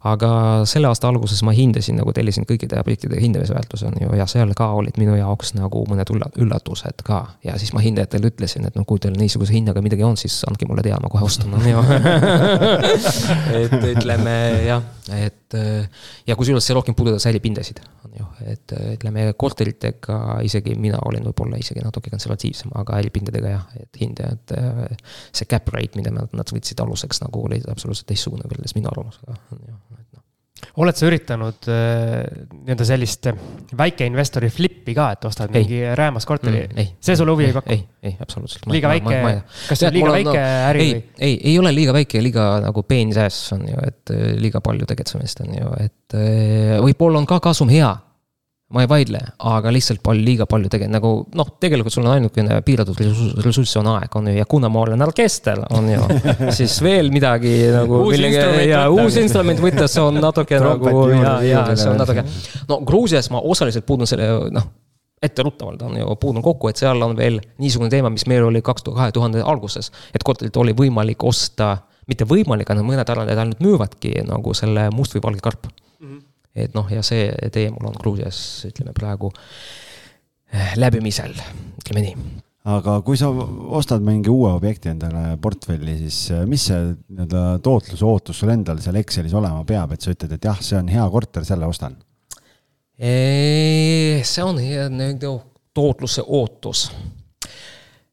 Kõigepealt, jah. mis see, mis need peamised kriteeriumid on, mille alusel sa oma linnukesed kirja paned, et sobib, sobib, sobib.? esimene, et ma ostan odavamalt, kui see on väärt. on ju, see on esimene ja teine et äh, sellel oleks, äh, nagu seda oleks võimalik vajadusel suhteliselt kiiresti müüa. nagu noh, okei okay,, ma saan aru, et nagu kõige kiirem viis väljuda kinnisvarast on aknast, on ju, aga aga no ikka nagu ütleme, noh, sa pead mõtlema selle peale, kuidas nagu väljuda, et äh, see on tähtis, sel põhjusel ma valingi neid, mitte suureid objekti. sul on siis kahetoalised, vaatad ühest kahest? ja, ja no tegelikult enamasti ma vaatangi kahetoalisi et mul ühetoaline minu arust on, ütleme, üks või kaks tükki, kolm, kolm tükki, jah. et kas kahetoaline on siis nii-öelda turu peal kõige, kõige likviidsem kaup, jah? alati, nii siin kui ka Gruusias on. seda on enne ka ju räägitud, et sinna võib sul tulla üksik inimene, seal võib olla paar, seal võib olla veel ühe lapsega et äh, osad võib-olla mahuvad ka kahega ära, on ju, sõltub inimeste sellest taluvusest, äh, et, et ta see segment. kuskilt idamaadest võib-olla tulevad, on kümnekesi. praegu, praegu tegelikult mul tuleb lihtsalt, mul on portfelli sattunud praegu, mul väga tihti ei ole, aga on sellised viissada viiskümmend kuni kuussada eurot paar äh, kahetoalist korterit mm. -hmm. täna, just täna hommikul jälle enne salvestuse algust siin tuli kaks või kolm kõnet, on ju, et perekond kahe lapsega, perekond see, noh, ega ma juba seda korterit nagu tean, et seal ei ole garderoobiruumi piisavalt, ma ei tea, väike külmkapp on, on ju, noh, mingid asjad, et eh, inimesed küll ütlevad, no ma ikka tuleks, vaataks ära, ma ütlen, et mul ei ole mõtet ja aega raisata, sest mul on käinud peresid vaatamas ütlevad, et no näed, et kui oleks see ja see ja see yeah., siis võtaks. et noh, et selles mõttes seal on omad mingid kriteeriumid nagu, et kus me jäime selle jutuga? me jäime sinna, et eh, tema, mina küsin, mis, mis linnukesed on need, eh, et peavad kirjas olema, et, et, et oleks sobiv korter, mida osta mm. -hmm. jäi sul midagi ja. veel mainimata? Ei, ma usun, no ütleme noh, asukoht ikka kinnisvara puhul nagu see asukoht, aga see hõlmab kõike, nagu mis ma ütlesin. sa ütlesid kesklinn, südalinn, et no, see puhtalt likviidsuse pärast või jaa, haldamise no, pärast või kuidas? puht, puhtalt likviidsuse pärast, jah. aga et, portfell on nii suur, et äh, räägime haldamise poole ka, et äh, sa haldad ise või sul on omal ettevõttes keegi, kes mul haldab? on Ecoadvice'i struktuuris inimene, kes muuhulgas tegeleb ka sellega et äh, nii-öelda ise käsi ei määri sellega? no see ei ole nagu käsimääri, nagu üürnikega, kui on mingid raskemad teemad või on vaja nagu midagi nagu noh, raskemalt nagu või on vaja midagi läbi rääkida, siis muidugi ma võtan osa, et nagu see ei ole see, et nagu ma olen nagu kuskil suur omanik ja ongi kõik. et mm -hmm. ütleme, aga igapäevased teemad jah, on delegeeritud, nagu noh, taas ütleme, ma olen liiga raisk, et teha kõike ise, on ju, et noh. aga üürnike valimine? üürnike valimine ka enamasti noh, taas Ecoadvice'il on olemas maakler, kes nagu tegeleb väljaüürimisega, et ütleme ja ta valib, et noh, ikka tausta vaatame ka, aga. on need valikud mõnikord puusse ka läinud, on seal mingeid äh, selliseid äh, nende pikkade aastate jooksul mingeid juhtumisi ka, kus? No Mm, no mõned jah, et nagu jäävad võlgu ja noh, siis nagu leppida ühel või teisel moel kokku, et nagu taas nagu suhtle inimestega on ju, kui inimene on nagu. ütleme nii, et me, et ma peaks pöörduma kohtusse, vist oli nagu üks kord ainult, just hiljuti. üürnikele ütledki, et kõige kiirem tee kinnisvarast lahkuda ja, akna kaudu. jah, akna kaudu, jah, just jah, et ütleme, et äh, see olen olnud üks kord ja põhjus oligi selles, et inimene lihtsalt nagu no huiar, et ütleme, et ma ei tea, kuidas seda teistmoodi öelda, et ütleme ja siis. oli ja. väga ebameeldiv. kuule ja just ja, ja see, seda ma tahtsin, seda, seda ma tahtsingi öelda, on ju, et. pane ütle... piip sinna ühte kohta aga mis sellest sai siis, said ikka lahti või uh,? ei, ta nagu kolimisega ei olnud probleemi, küsimus oli nagu rahas. rahas, jah. jah, ja see nagu kohtu, kohtu kaudu leppisime nagu maksegraafikus kokku, ma ei tea, miks ta ei tahtnud nagu lihtsalt liputada nagu. no inimene lihtsalt jättis võtmed ja läks ära mm.. nii nagu, mis mõttes, meil on leping, meil on ette teadamise tähtajad, on ju, meil on üks teine nagu, et no kuidas nii inimesed on erinevad, mul on just värske näide siin, meil ühes korteris tekkis probleem. Äh, üürnik äh, hakkas kurtma, kolis sisse, hakkas kurtma uusarenduse korter umbes, et see on elamiskõlbmatu korter, hakkas seal mingit, noh, mingit butafooriat tekitama ja kaasasime arendajaid, seal mingi, mingi garantiitööd ja mingi osakonnad, värgid, asjad kõik on ju. noh, tegelikult saime aru, et ajab jama, aga me noh, tegime kõik endast oleneva, et üürnik tunne, näeks, et me lahendame probleemi ära, on ju. ja siis ta jäi võlgu, kõigepealt jäi ühe kuu, nii siis ma saatsin talle kirja välja, ütlesin, et näed, et korralise lepingu lõpetamise teade on ju, et kui et kuna sul on nii ebameeldiv elada siin korteris, aga me tahame nagu pakkuda inimestele ikkagi nagu rõõmu ja noh, et see peaks olema hea koht, kus sa nagu elad, on ju. et siis äh, lihtsalt äh, lõpetame ära korraliselt, et sa saad omale uue kodu otsida ja ja, ja siis tal oli ühe kuu üüri ja kommunaali võlgnevus. Ja siis ma kirjutasin sinna kirja alla ka veel, et PS, et äh, viie päeva pärast tuleb uus üüriarve välja uh, -huh. et sellel on, nagu sa tead, viiepäevane maksetähtaeg on ju, ja noh, et kui see jääb maksmata, et siis mul ei jää paraku muud üle, et ma pean saatma nagu erakorralise lepingu lõpetamise välja ja neljateistpäevase etteteatamisega. Ja, ja nii läkski, ta ei maksnud, on ju, seal hullult noh, mängis seal mingi kangelast. Ja siis see oli rendini kaudu leping meil ja siis, siis oli niimoodi, et see neljateistkümnes päev saabus. ja, siis helistab mulle, ütleb tere, ma olen see ja see, on ju, noh, niisuguse tusase häälega, on ju. et kas see korteri üleandmine toimub täna või homme, on ju. ma ütlesin, et kui ma ei tea, et ma vaatasin paar päeva tagasi, et sa oled nagu ühe üüriarve ära maksnud, et et mul ei ole ühtegi juriidilist alust sind tänavale tõsta, et noh, et see korraline lepingu lõpetamine nagu läheb nüüd edasi. ma maksin kõik ära, onju. Ma ütlesin, no jah, et siis seda enam, onju, et noh, et siis nüüd on, saame kokku sellel kuupäeval, kui see korraline lepingu lõpetamine on. oota, mis ma siis oleks pidanud maksmata jätma või et noh, et, et kõigepealt oleksite mind tänavale tõstnud, onju, ja ma oleks siis ära maksnud, et noh, et tüüp tahtis ära saada, tahtis mm -hmm. nagu minema saada, onju. et sinnamaani oli hull, hull probleem, hull probleem noh, ja siis, siis me lihtsalt äh, leppisime kokku, järgmine päev läksin, saime kokku ja võtsime halduse vastu ja, ja lõpetasime lepingu ära, et noh. et võib ka niipidi minna, et enamus juhtudel on nii, et võlgnik maksab ära ja siis läheb nagu edasi, et ta venitab seda mm -hmm. kummi nagu. aga seal läks nagu teistmoodi, maksis ära ja küsis, et kas ma nüüd võin ära minna. nojah aga ma ei tea, liigume äkki sinna Gruusiasse siis? Lähme jah, see on. Lähme Gruusiasse, hea soe ja, ja mõnus. okei soe ja mõnus, no praegu on soe ja ma just nagu mingi kuu aega tagasi olin seal nagu täitsa okei okay, no,. Et, et... kuidas sa sinna, okei okay,, ma saan aru, et inimene läheb sinna nagu turismireisile, aga sina läheksid mm -hmm. sinna. ma ei läinud turismireisil, nagu esimene kord, jaa, esimene kord ma kuulsin Gruusiast, et äh, golfiarendus et ju meil on seal noh, tol ajal oli Kamos üks omanikest on ju, et. Äh, kõik Eesti rajad olid nii läbi mängitud juba. jah, täpselt nii, golfiarendus ja, aga golfiarendus pigem nagu töö küsimuses on ju, et ütleme, et olid mõned läbirääkimised, et võib-olla on vaja nagu seal midagi teha ja nii edasi ja siis nagu vaatasin, okei okay,. et täitsa noh, lugupeetud, lugupeetavad ettevõtjad nagu on Gruusias, huvitav, mis nad seal teevad, aga siis tuli kas vist oli nagu üks meil, jah, tuli ühe Batumi arendaja käest, tuli meil, eh, pool nagu saatis meile, et vot otsime partnereid Baltikumis, et kes müüks meie kinnisvara. ma ütlesin, okei okay,, suurepärane, et nagu võtsin asjad, nagu pakkisin asjad ja läksin Gruusiasse, Batumisse, on ju, vaatama, mis nad teevad. ja siis esimene linn, kuhu ma tasusin, oli Batumigi, on ju, et eh, ütleme, et noh, tol ajal kõige kallimad pastad, mis ma sõin oma elus, oligi Batumi, mis maksis nagu hotellis mingi kakskümmend viis euri ütleme Gruusias pasta okay.. no okei okay, mm, -hmm. see on küll, aga noh, ma sain aru, see oli Radisson, nagu mis teha. et ütleme ja siis ma olin seal, ma vaatasin.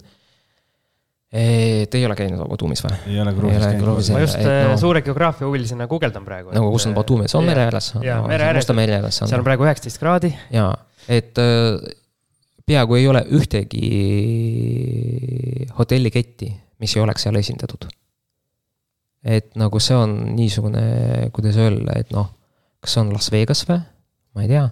aga kui sa saad ehitusluba hotelli ehitamiseks, siis sa saad ka kasiinoluba endale ka. okei okay.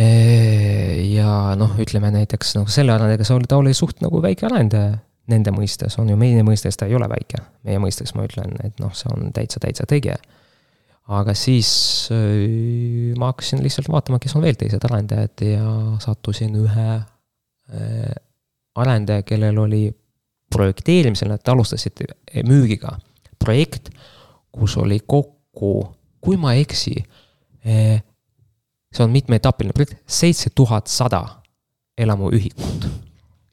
et see on nagu Terve projekt, põhimõtteliselt, ja see on ainult üks projekt Batumis on ju, et ja selles mõttes ma vaatasin nagu Batumi peale ja ma, ma ei, ma ei saa nagu, nagu kes, kuidas ja nii edasi, on ju. aga siis ma läksin Tbilisisse. ja vaatasin Tbilisit ja täitsa, täitsa selgus, et täitsa nagu mõnus linn on. et äh, ma võtsin rongi, rongiga jõudsin kohale, väga ilus, nagu väga mugav, kiirrong, mingi noh, mingi neli-viis tundi. tasuta vesi, wifi, et äh, ütleme, valvur väga, väga, väga okei okay ja no Gruusia ongi niisugune, et üks koht on, sul on täitsa euroopalik linn, no räägime Tbilisis näiteks on ju täitsa euroopalik linn nagu meie Kalamaja piirkond ja nii edasi, on ju, et, et teine koht, Welcome to USSR, et täielik nagu NSV, et, et kuna ma olen niisugune, kes mäletab, mis oli nagu Vene ajal, on ju, ma mäletan üheksakümnendate algust ja siis me, mind see ei hirmuta. Ma isegi nagu praegu käisin sügisel, mulle meeldis, kui ma kõndin mööda tänavat nagu vaik-, vaik-, vaiksed tänavad, aga sul on nagu mingid äh, vana nagu naised, kes müüvad mingit juurpuuvilju ja see lõhn ja nii edasi, et nagu mulle see isegi meeldib ja, aga muidugi noh, on alati hea olla seal, kus on hea olla rahaga, on ju, ilma, rahata. et ja siis, ja siis tol ajal ma vaatasin, see oli mingi aasta kaks tuhat, aa ja veel ma saatan, mulle meeldib suusatada. Veel ma tahtsin Gudaulisse, Gudaulisse on Tbilisis kaks tundi sõit, ütleme mäesuusakurort. mis asub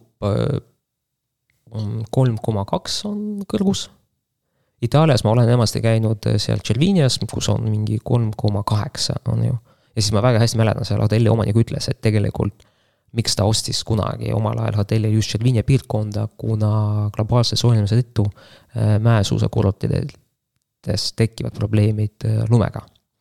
ja siis ma vaatasin, okei okay,, Gudauli nagu kolm koma kaks, aga noh, ma tol ajal ei saanud endale osta mingi korteril nagu Skinski auto, on ju, et noh, kes teab nagu, et sul kohe rae kõrval, on ju Äh, näiteks kuskil Itaalias on ju, kuna see maksis ikka nagu paar sotti või sada viiskümmend või mida iganes.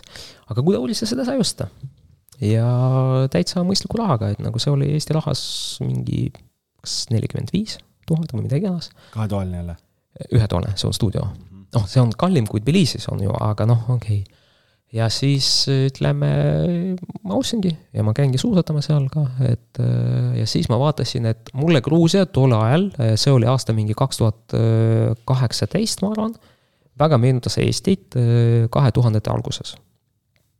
ja siis ma mõtlesin, et noh, miks ka mitte, et võib ka veel vaadata ja siis noh, ma hakkasin nagu, ma seal käisin isegi nagu ühel konverentsil esinemas, ütleme kinnisvara teemadel ja nii edasi, hakkasin suhtlema inimestega ja siis nagu hakkasin vaikselt broneerima neid asju, mis seal oli minu arvates nagu võiks olla huvitav. et ja minu põhimõtted olid samad, et nagu mitte suur, et äh, mingi nelikümmend ruutu, aga äh, Gruusias on, nad arvutavad neid ruutmeetreid natuke teistmoodi.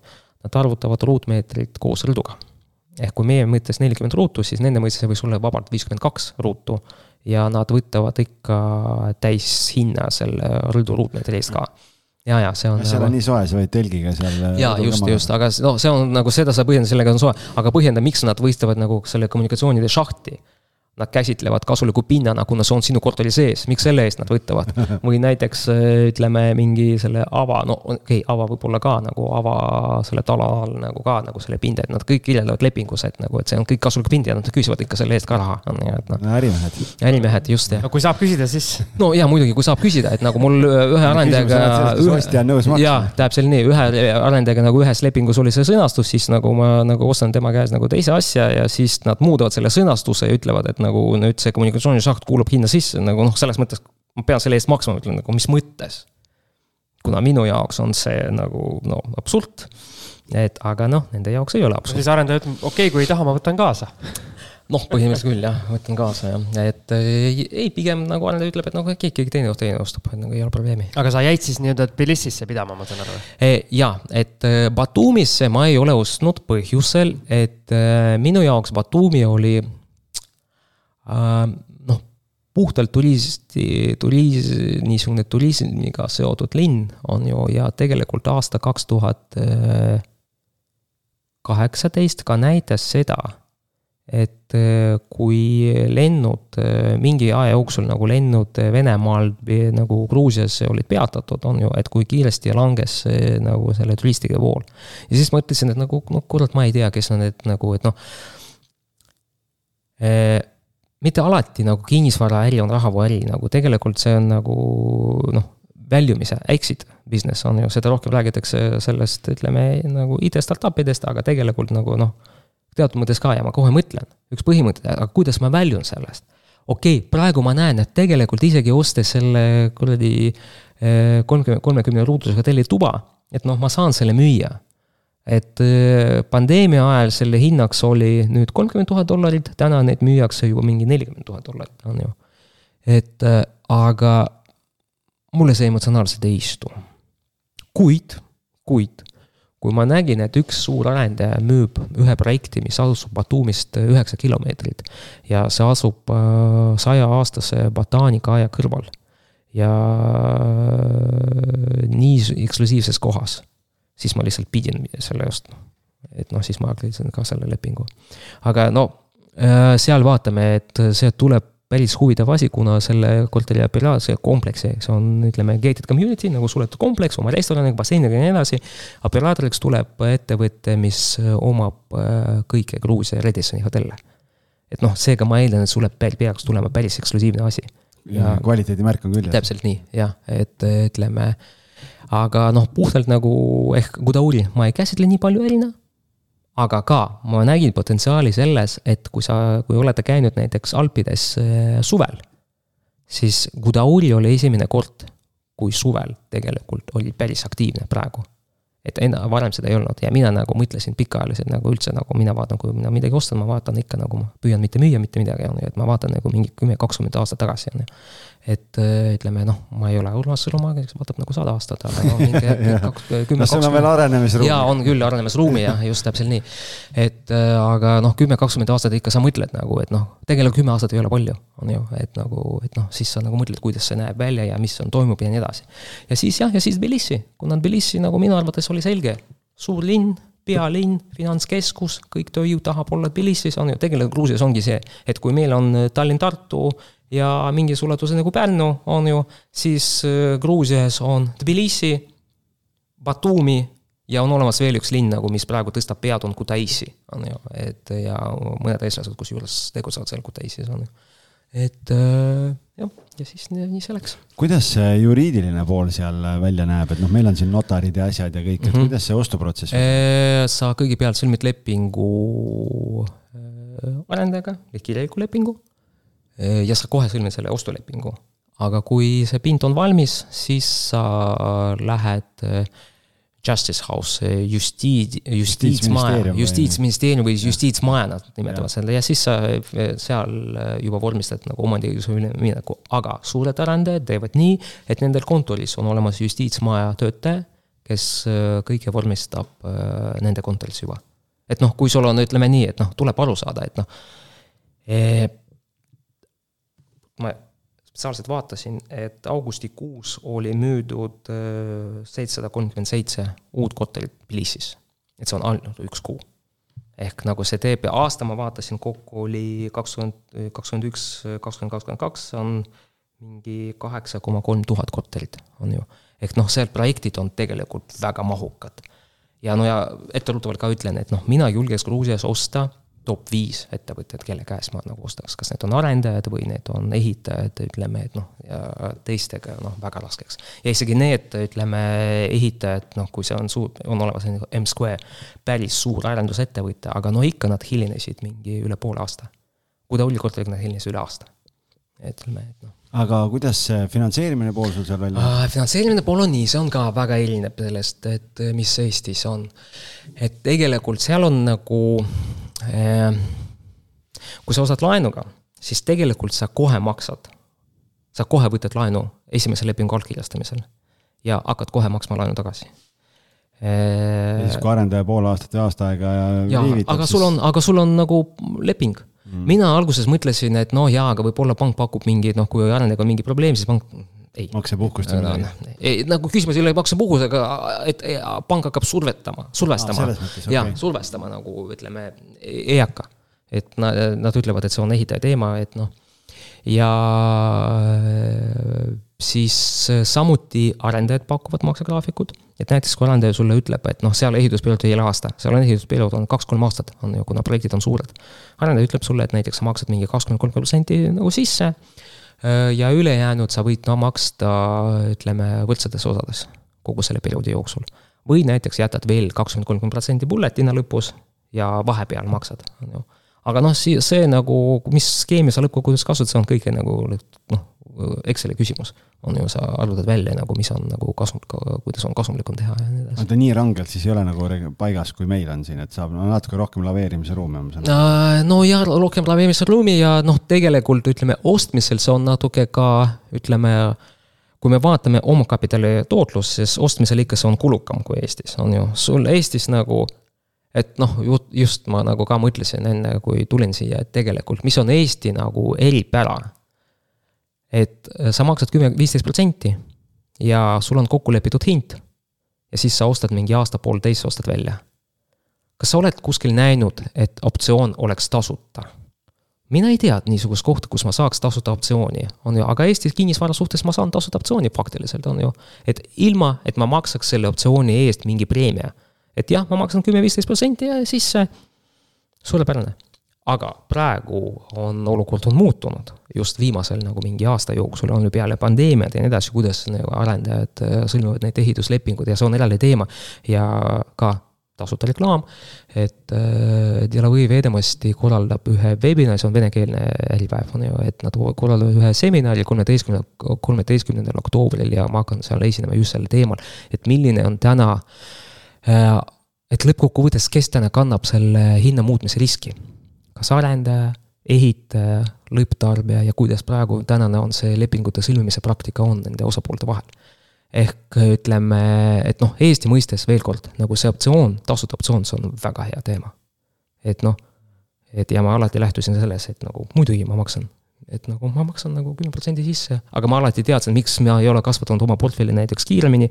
oligi põhjus see, et ma alati lähtusin eelduses, et ma saan osta välja. et noh, ei ole niisugune, ah, kuidas jopab nagu, et kuidas tuleb välja nagu ostan või osta, ei tegelikult, et ma pidin olema põhimõtteliselt kindel selles, et ma saan endale lubada välja osta seda, vot. Räägime üüriturust ka, mis see Gruusia üüriturg räägib? Ja sa tegelikult enne, kui me mikrofonid sisse lülitasime, päris alguses, kui tulid, rääkisid jah. Äh, numbritest meile siin et.... ma ütlen korra äh, vahele lihtsalt kuulajatele, ma sain Google'is nii palju targemaks, et kui me räägime Tbilisist, me räägime ikkagi miljoni linnast, et. ja, ja, ja seal on oluliselt, mingi kaks oluliselt..., kaks midagi koos äh,. koos, koos nagu jah, jah, jah, jah. Mhm, et see on et, nagu. Eesti. kogu Eesti jah. ja, et suured ummikud, väga odav taksi äh,, takso varem see takso maksis mingi. no kui spagett on kallis, siis takso peab. no just ja takso maksis mingi kuradi üks euri nagu poolteist euri nagu kuhu iganes põhimõtteliselt Tbilisi sees, noh praegu see läks kallimaks, näed nüüd see maksab mingi kaks, kaks ja pool on ju. et. ei tea, kes jaksab maksta jaa äh, väga halb äh, õhk see on nagu Tbilisi iseloom ka, et nagu, et kui elada, et siis ma. tööstus palju siis või? mida, ei, autod ah,. autod, autod ja siis veel lisaks see nagu noh, geograafiliselt nagu asub nagu selle noh, ütleme nii, augu sees mm -hmm. on ju, et ja seal põhjusel. orus. orus jah, jah, et seal põhjusel see nagu õhk nagu eriti hästi ei liigu seal, et nagu selles mõttes ja. et kui sul on, ütleme suvel nelikümmend kraadi soe ja niisugune õhk, ega nagu see ei ole kõige parem. aga golfiraja ta asub väga heas kohas. siis kui on suvel nelikümmend ja halb õhk, siis minnakse sinna Batumisse äh,? minnakse Batumisse ja minnakse, kusjuures on olemas, seal on mitu ju Gruusias mitu suusakurordi, üks nendest äh, Bakuljani et see on ka veel tsaariaegsest ajast mingi väga roheline koht ja just nagu perekoht, aga mis ma sinna ei ostnud, põhjus on väga selge, see asub üks koma kaheksa kõrgus, üks koma kaheksa, üks tuhat kaheksasada meetrit, et see on suusatamisega liiga vähe. vot. Eesti mõistes suur mägi, aga. no jah, jah, ja suusatamise mõistes jah, jah, et ütleme, et noh aga tuleme nende numbrite juurde, räägi nüüd samu numbreid, mis ja, sa rääkisid, mis on toimunud no, Gruusia okay. kinnisvaraturul? Eh, ma ei ole veel allkirjastanud näiteks üürilepingu, aga ühe objekti, mis just hiljuti sai valmis, minu arvestuslik, ma seal olin kohapeal. no ütleme nii, kui ma ostsin, siis minu eeldus oli, see oli kaks tuhat üheksateist mai. Eh, minu, eh, ma lähtusin eelduses, et see üürihind on neli sotti dollarites, on ju seal kõik arvutatakse doll-, makstakse laarides, aga kõik on lepingus kirjas, et äh, vastavalt tänasele kursule dollarites, aga vastavalt tänasele kursusele nagu laarides on ju.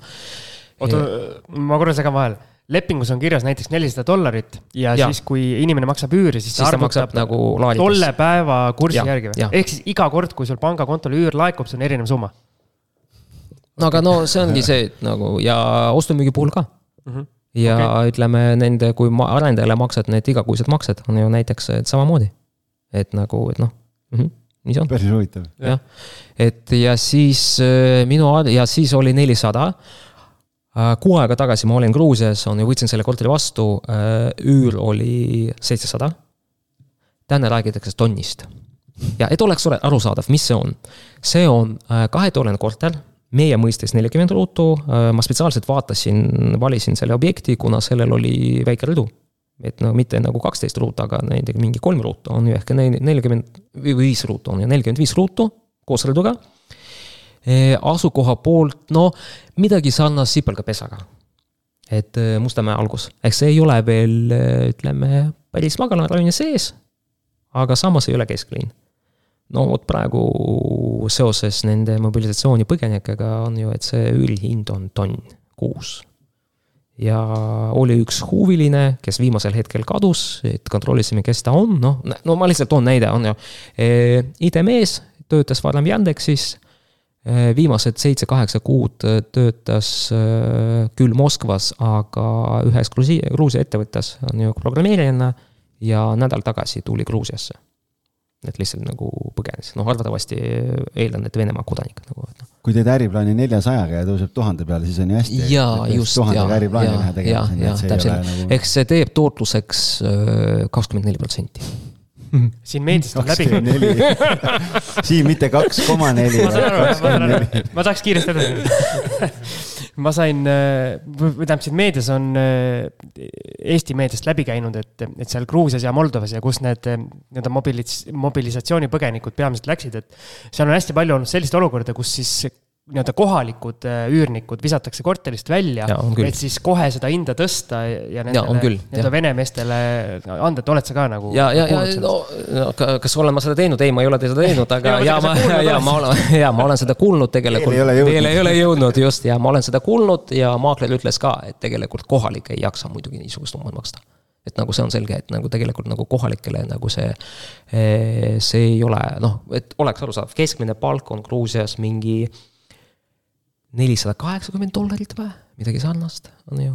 et aga tuleb arvestada küll, seal on selle musta raha osakaal on no, ka Gruusia, olemas. Gruusia keskmine ja Tbilisi keskmine ei ole samad ju. no ja, ja, ja, et aga no ma ei mäleta Tbilisi keskmist, aga no ega usu mind, ega see ütleme. ei ole no, väga suur vahe mm,. et isegi kui see on viissada siis sa ei saa maksta tonn, ütleme, rendi eest, on ju. okei okay,, aga kuidas see nagu, kuidas see juriidika seal toimib, et noh, Eestis sa päris nii lihtsalt ikkagi välja visata ei saa, et meil on see kolm kuud nii-öelda ette teatamist. kas seal no, tegelikult sama, et noh, mis, mille poolest nagu Gruusia on nagu lihtne, on see, et nad kopeerisid väga suures osas, ütleme, Eesti maksuseadusandlust ja nad ja õigussüsteem on ka väga sarnane et äh, ütleme, et kui ma loen Gruusia lepingut, okei okay,, äh, alati on, tuleb nagu gruusia keeles ja inglise keeles näiteks või vene keeles on ju, et äh, siis on põhimõtteliselt kõik on selge ja arusaadav. et noh, praegu üürilepingu ettevalmistus oligi nii, et nagu ma vaatasin selle üürilepingu, ma lisasin mõned asjad meie lepingutest sisse, et nagu, et noh, täpsustada. et ütleme, et noh, selles mõttes ma tunnen ennast väga mugaval. no näed, targad inimesed võtsid õigest kohast õiged asjad üle. no see on, ütleme nii, minu loogika oligi väga lihtne, et see, et ütleme, see ei tapa mind, kui see, ütleme, on kahjumiga, on ju samas, kui ma võidan, noh, suurepärane, ega nagu nii see on ja praegu ma noh, tõsiselt mõtlen, et nagu kas peaks, muidugi ma ei arvesta, et see üür jääb tuhat, on ju. isegi kui see jääb seitsesada, see ikka endiselt.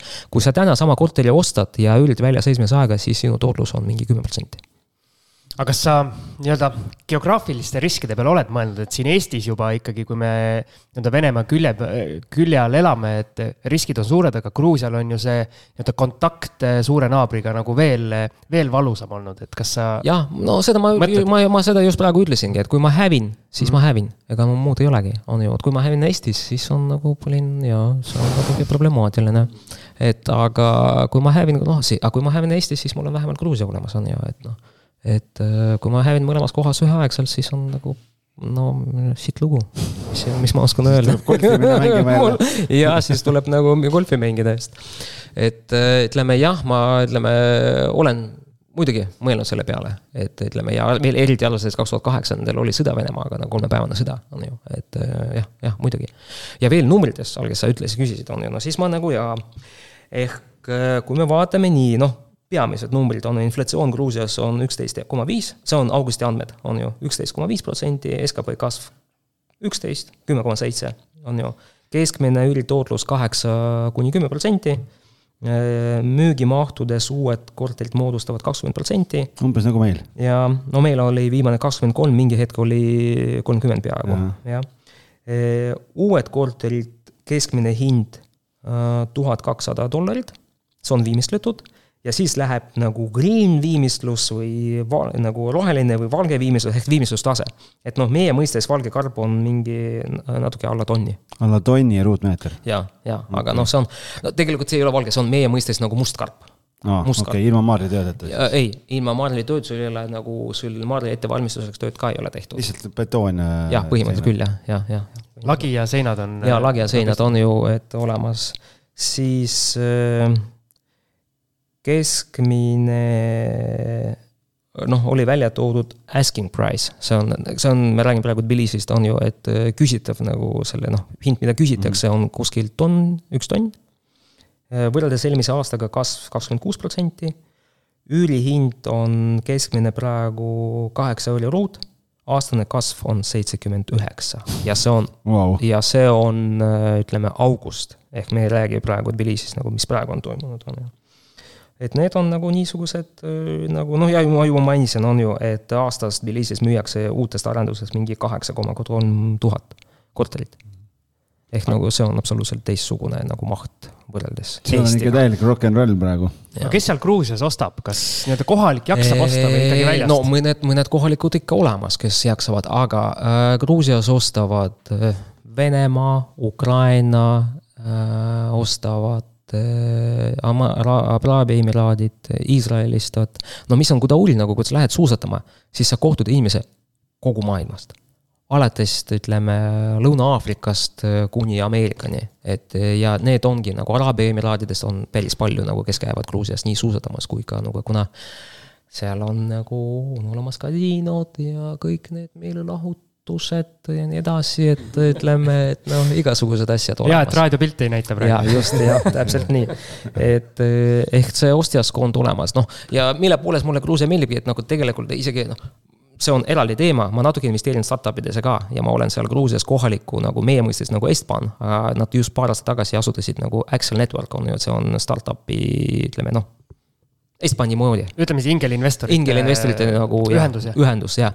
ja, ja kuhu nemad vaatavad oma tooted, et kes on nende klientuur ja kuhu meie vaatame, nagu meie siin vaatame, kes on meie klientuur, nagu see on, ütleme, teistsugune absoluutselt. et nemad vaatavad endised ESV riigid, nemad vaatavad nagu mingi Pakistan, nagu India, et see ala.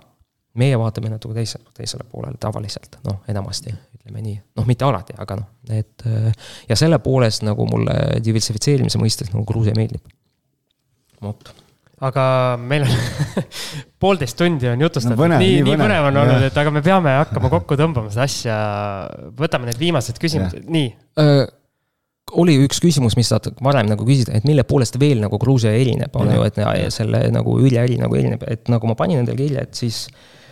esimene pangad, kuidas pangad finantseerivad, on ju, kuidas nad arvutavad LTV-d ehk äh, äh, müüja ütleb, et niisuguse objekti nagu maakler ütleb, et niisuguse objekti väärt-, müügihind võiks olla niisugune, on ju, näiteks seitsekümmend tuhat. mulle tundub, et see võiks olla nii palju. jaa, et ja näitab mulle, et teised nagu müüjad küsivad seitsekümmend tuhat. ma küsin panga käest, palju see väärtus, objekti väärtus on, nad ütlevad viiskümmend viis. ma ütlen, miks, nagu siin ma olen hästi teadlik, on olemas hindamisstandardid olemas, et ütleme, tulumeetod või diskonteeritud rahavoo meetod, seal asendusmaksumuse meetod on ju siis võrdlusmeetod ja nii edasi, et nagu miks, nad ütlevad, kuna meie jaoks on teistsugune väärtus. ja nii ma lihtsalt ütlen, on jah? jaa, ma ütlen, okei okay,, suurepärane. maksuameti jaoks on veel kolmas väärtus. jaa, suurepärane jah, et ütleme see siis noh, rõdude ja šahtide kohta ma rääkisin, on ju, siis äh, ehituse poolt äh, nendel ei ole järelevalvet et ehis, ehituse kvaliteet on väga suhteline teema okay.. et nagu kuidas kujuneb taas me jõuame, miks ma ostaks ainult nende suuremate käest, et seal on mingigi. samas kui ta ulis, no ütleme, nad teine aasta järjest juba teevad garantiitööd, on ju, õnneks teevad. samas ütleme, garantiitööd üldse nagu see on järgmine punkt, on kokkuleppe küsimus. et suuremad arendajad annavad sulle mingi garantii. et äh, väiksemad ei anna sulle mitte midagi, mingit garantiid, on ju äh, majade lõpuni ehitamata, mis see tähendab, see tähendab seda, et noh, ma võiks näidata pilte, on ju, aga no kuulajad ei, ei näe igal juhul, on ju. ei no sa võid meile tegelikult, kui ja, saab, saadame, saame panna. et äh, ütleme. ma tulen kohale ja ma vaatan, et see on pooleli olev objekt aga nende jaoks on maja valmis, jah? maja valmis, korter on ju valmis. trepikoda enam-vähem valmis et ütleme, aga reaalselt see on pooleli ja inimesed elavad ja saab veel, veel öelda. aga see nagu jääkski pooleli või? ei, nad teevad lõpuni, aga mingi Aa. poole aasta pärast. okei okay., no, siis kui neil on parem aeg. jah, ja nagu mitte isegi parem aeg, aga lihtsalt nad, see on nende ajagraafik, nad veel oma graafikus niiviisi liiguvad. et ütleme ja noh, see on väga väga teistsugune, eriti, eriti arvestades ma ise nagu tegelen kinnisvaraarendusega ja ma tean, mis seisus see objekt üleandmisel peab olema, mis seisus need üldpinnad peavad olema, nagu seal niisugused jutud nagu üldpinnad üldse ei eksisteeri, on ju, et, et noh, teeme, kuidas teeme ja teeme, millal teeme, on ju. et no ja, ja siis noh, mis ma rääkisin ka finantseerimise, täna need pakuvad nagu maksegraafikud ehk et nagu Gruusia nagu selle eriajamise eripära ah,. no ja panga finantseerimise pool on ka, mis, mis on huvitav. Nad esimesed paar aastat pakuvad sulle fikseeritud intressi ja siis see muutub.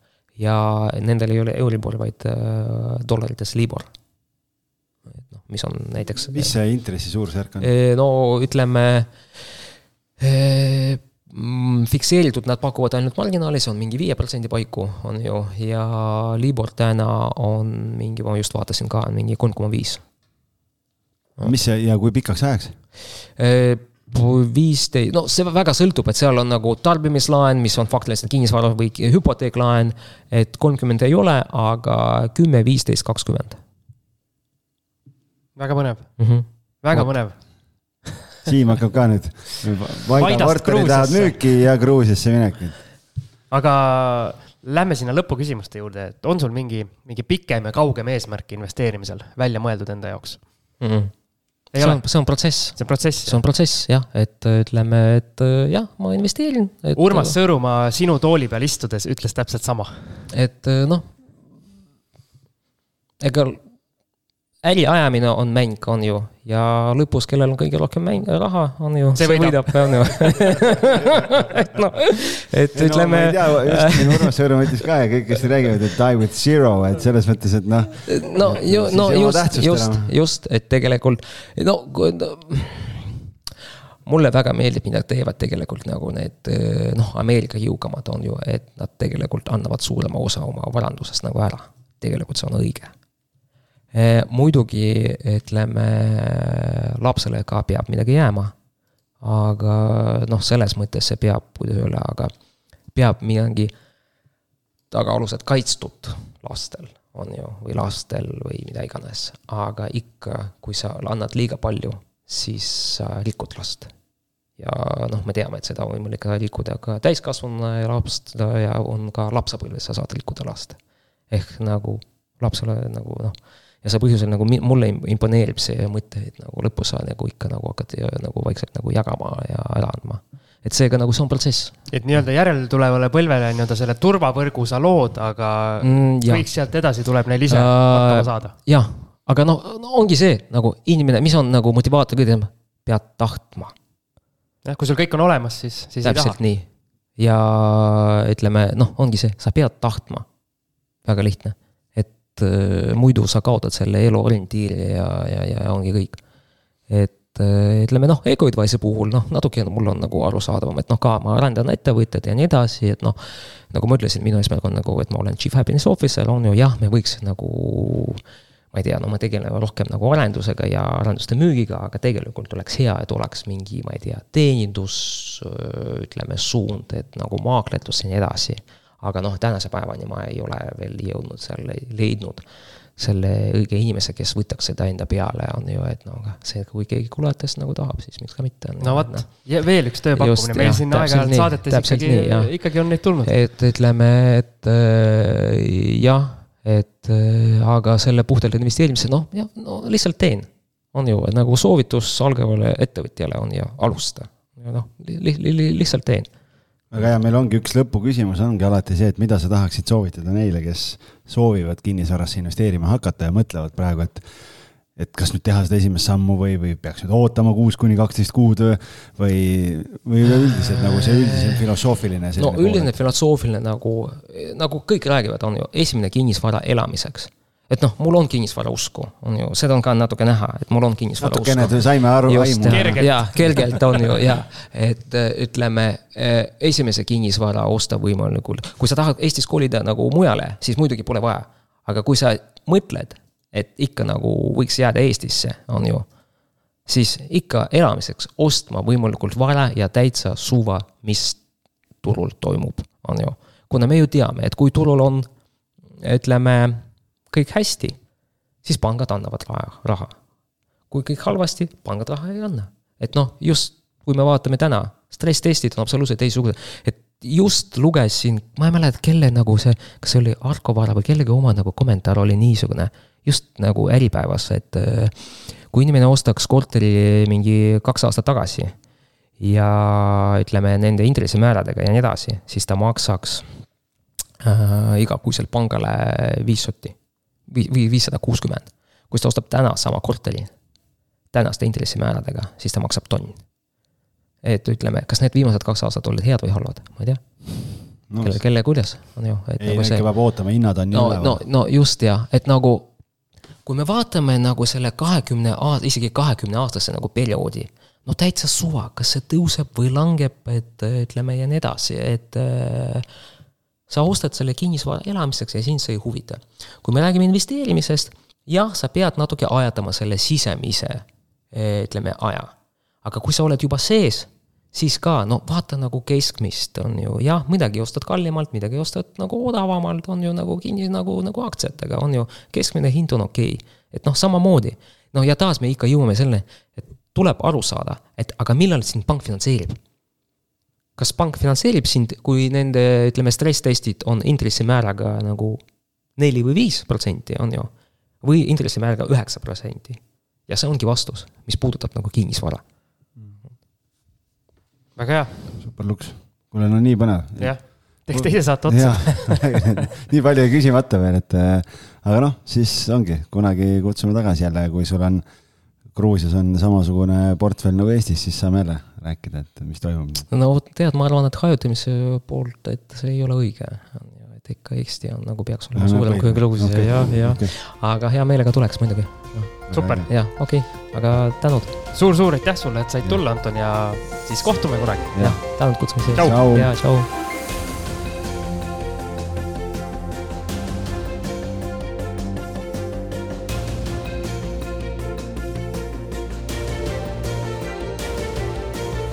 Kinnisvarainvestoritele loodud kinnisvarabüroo, aitame sind alates esimesest sammust kuni lõpptulemuseni välja. vaata lähemalt www.onestate.ee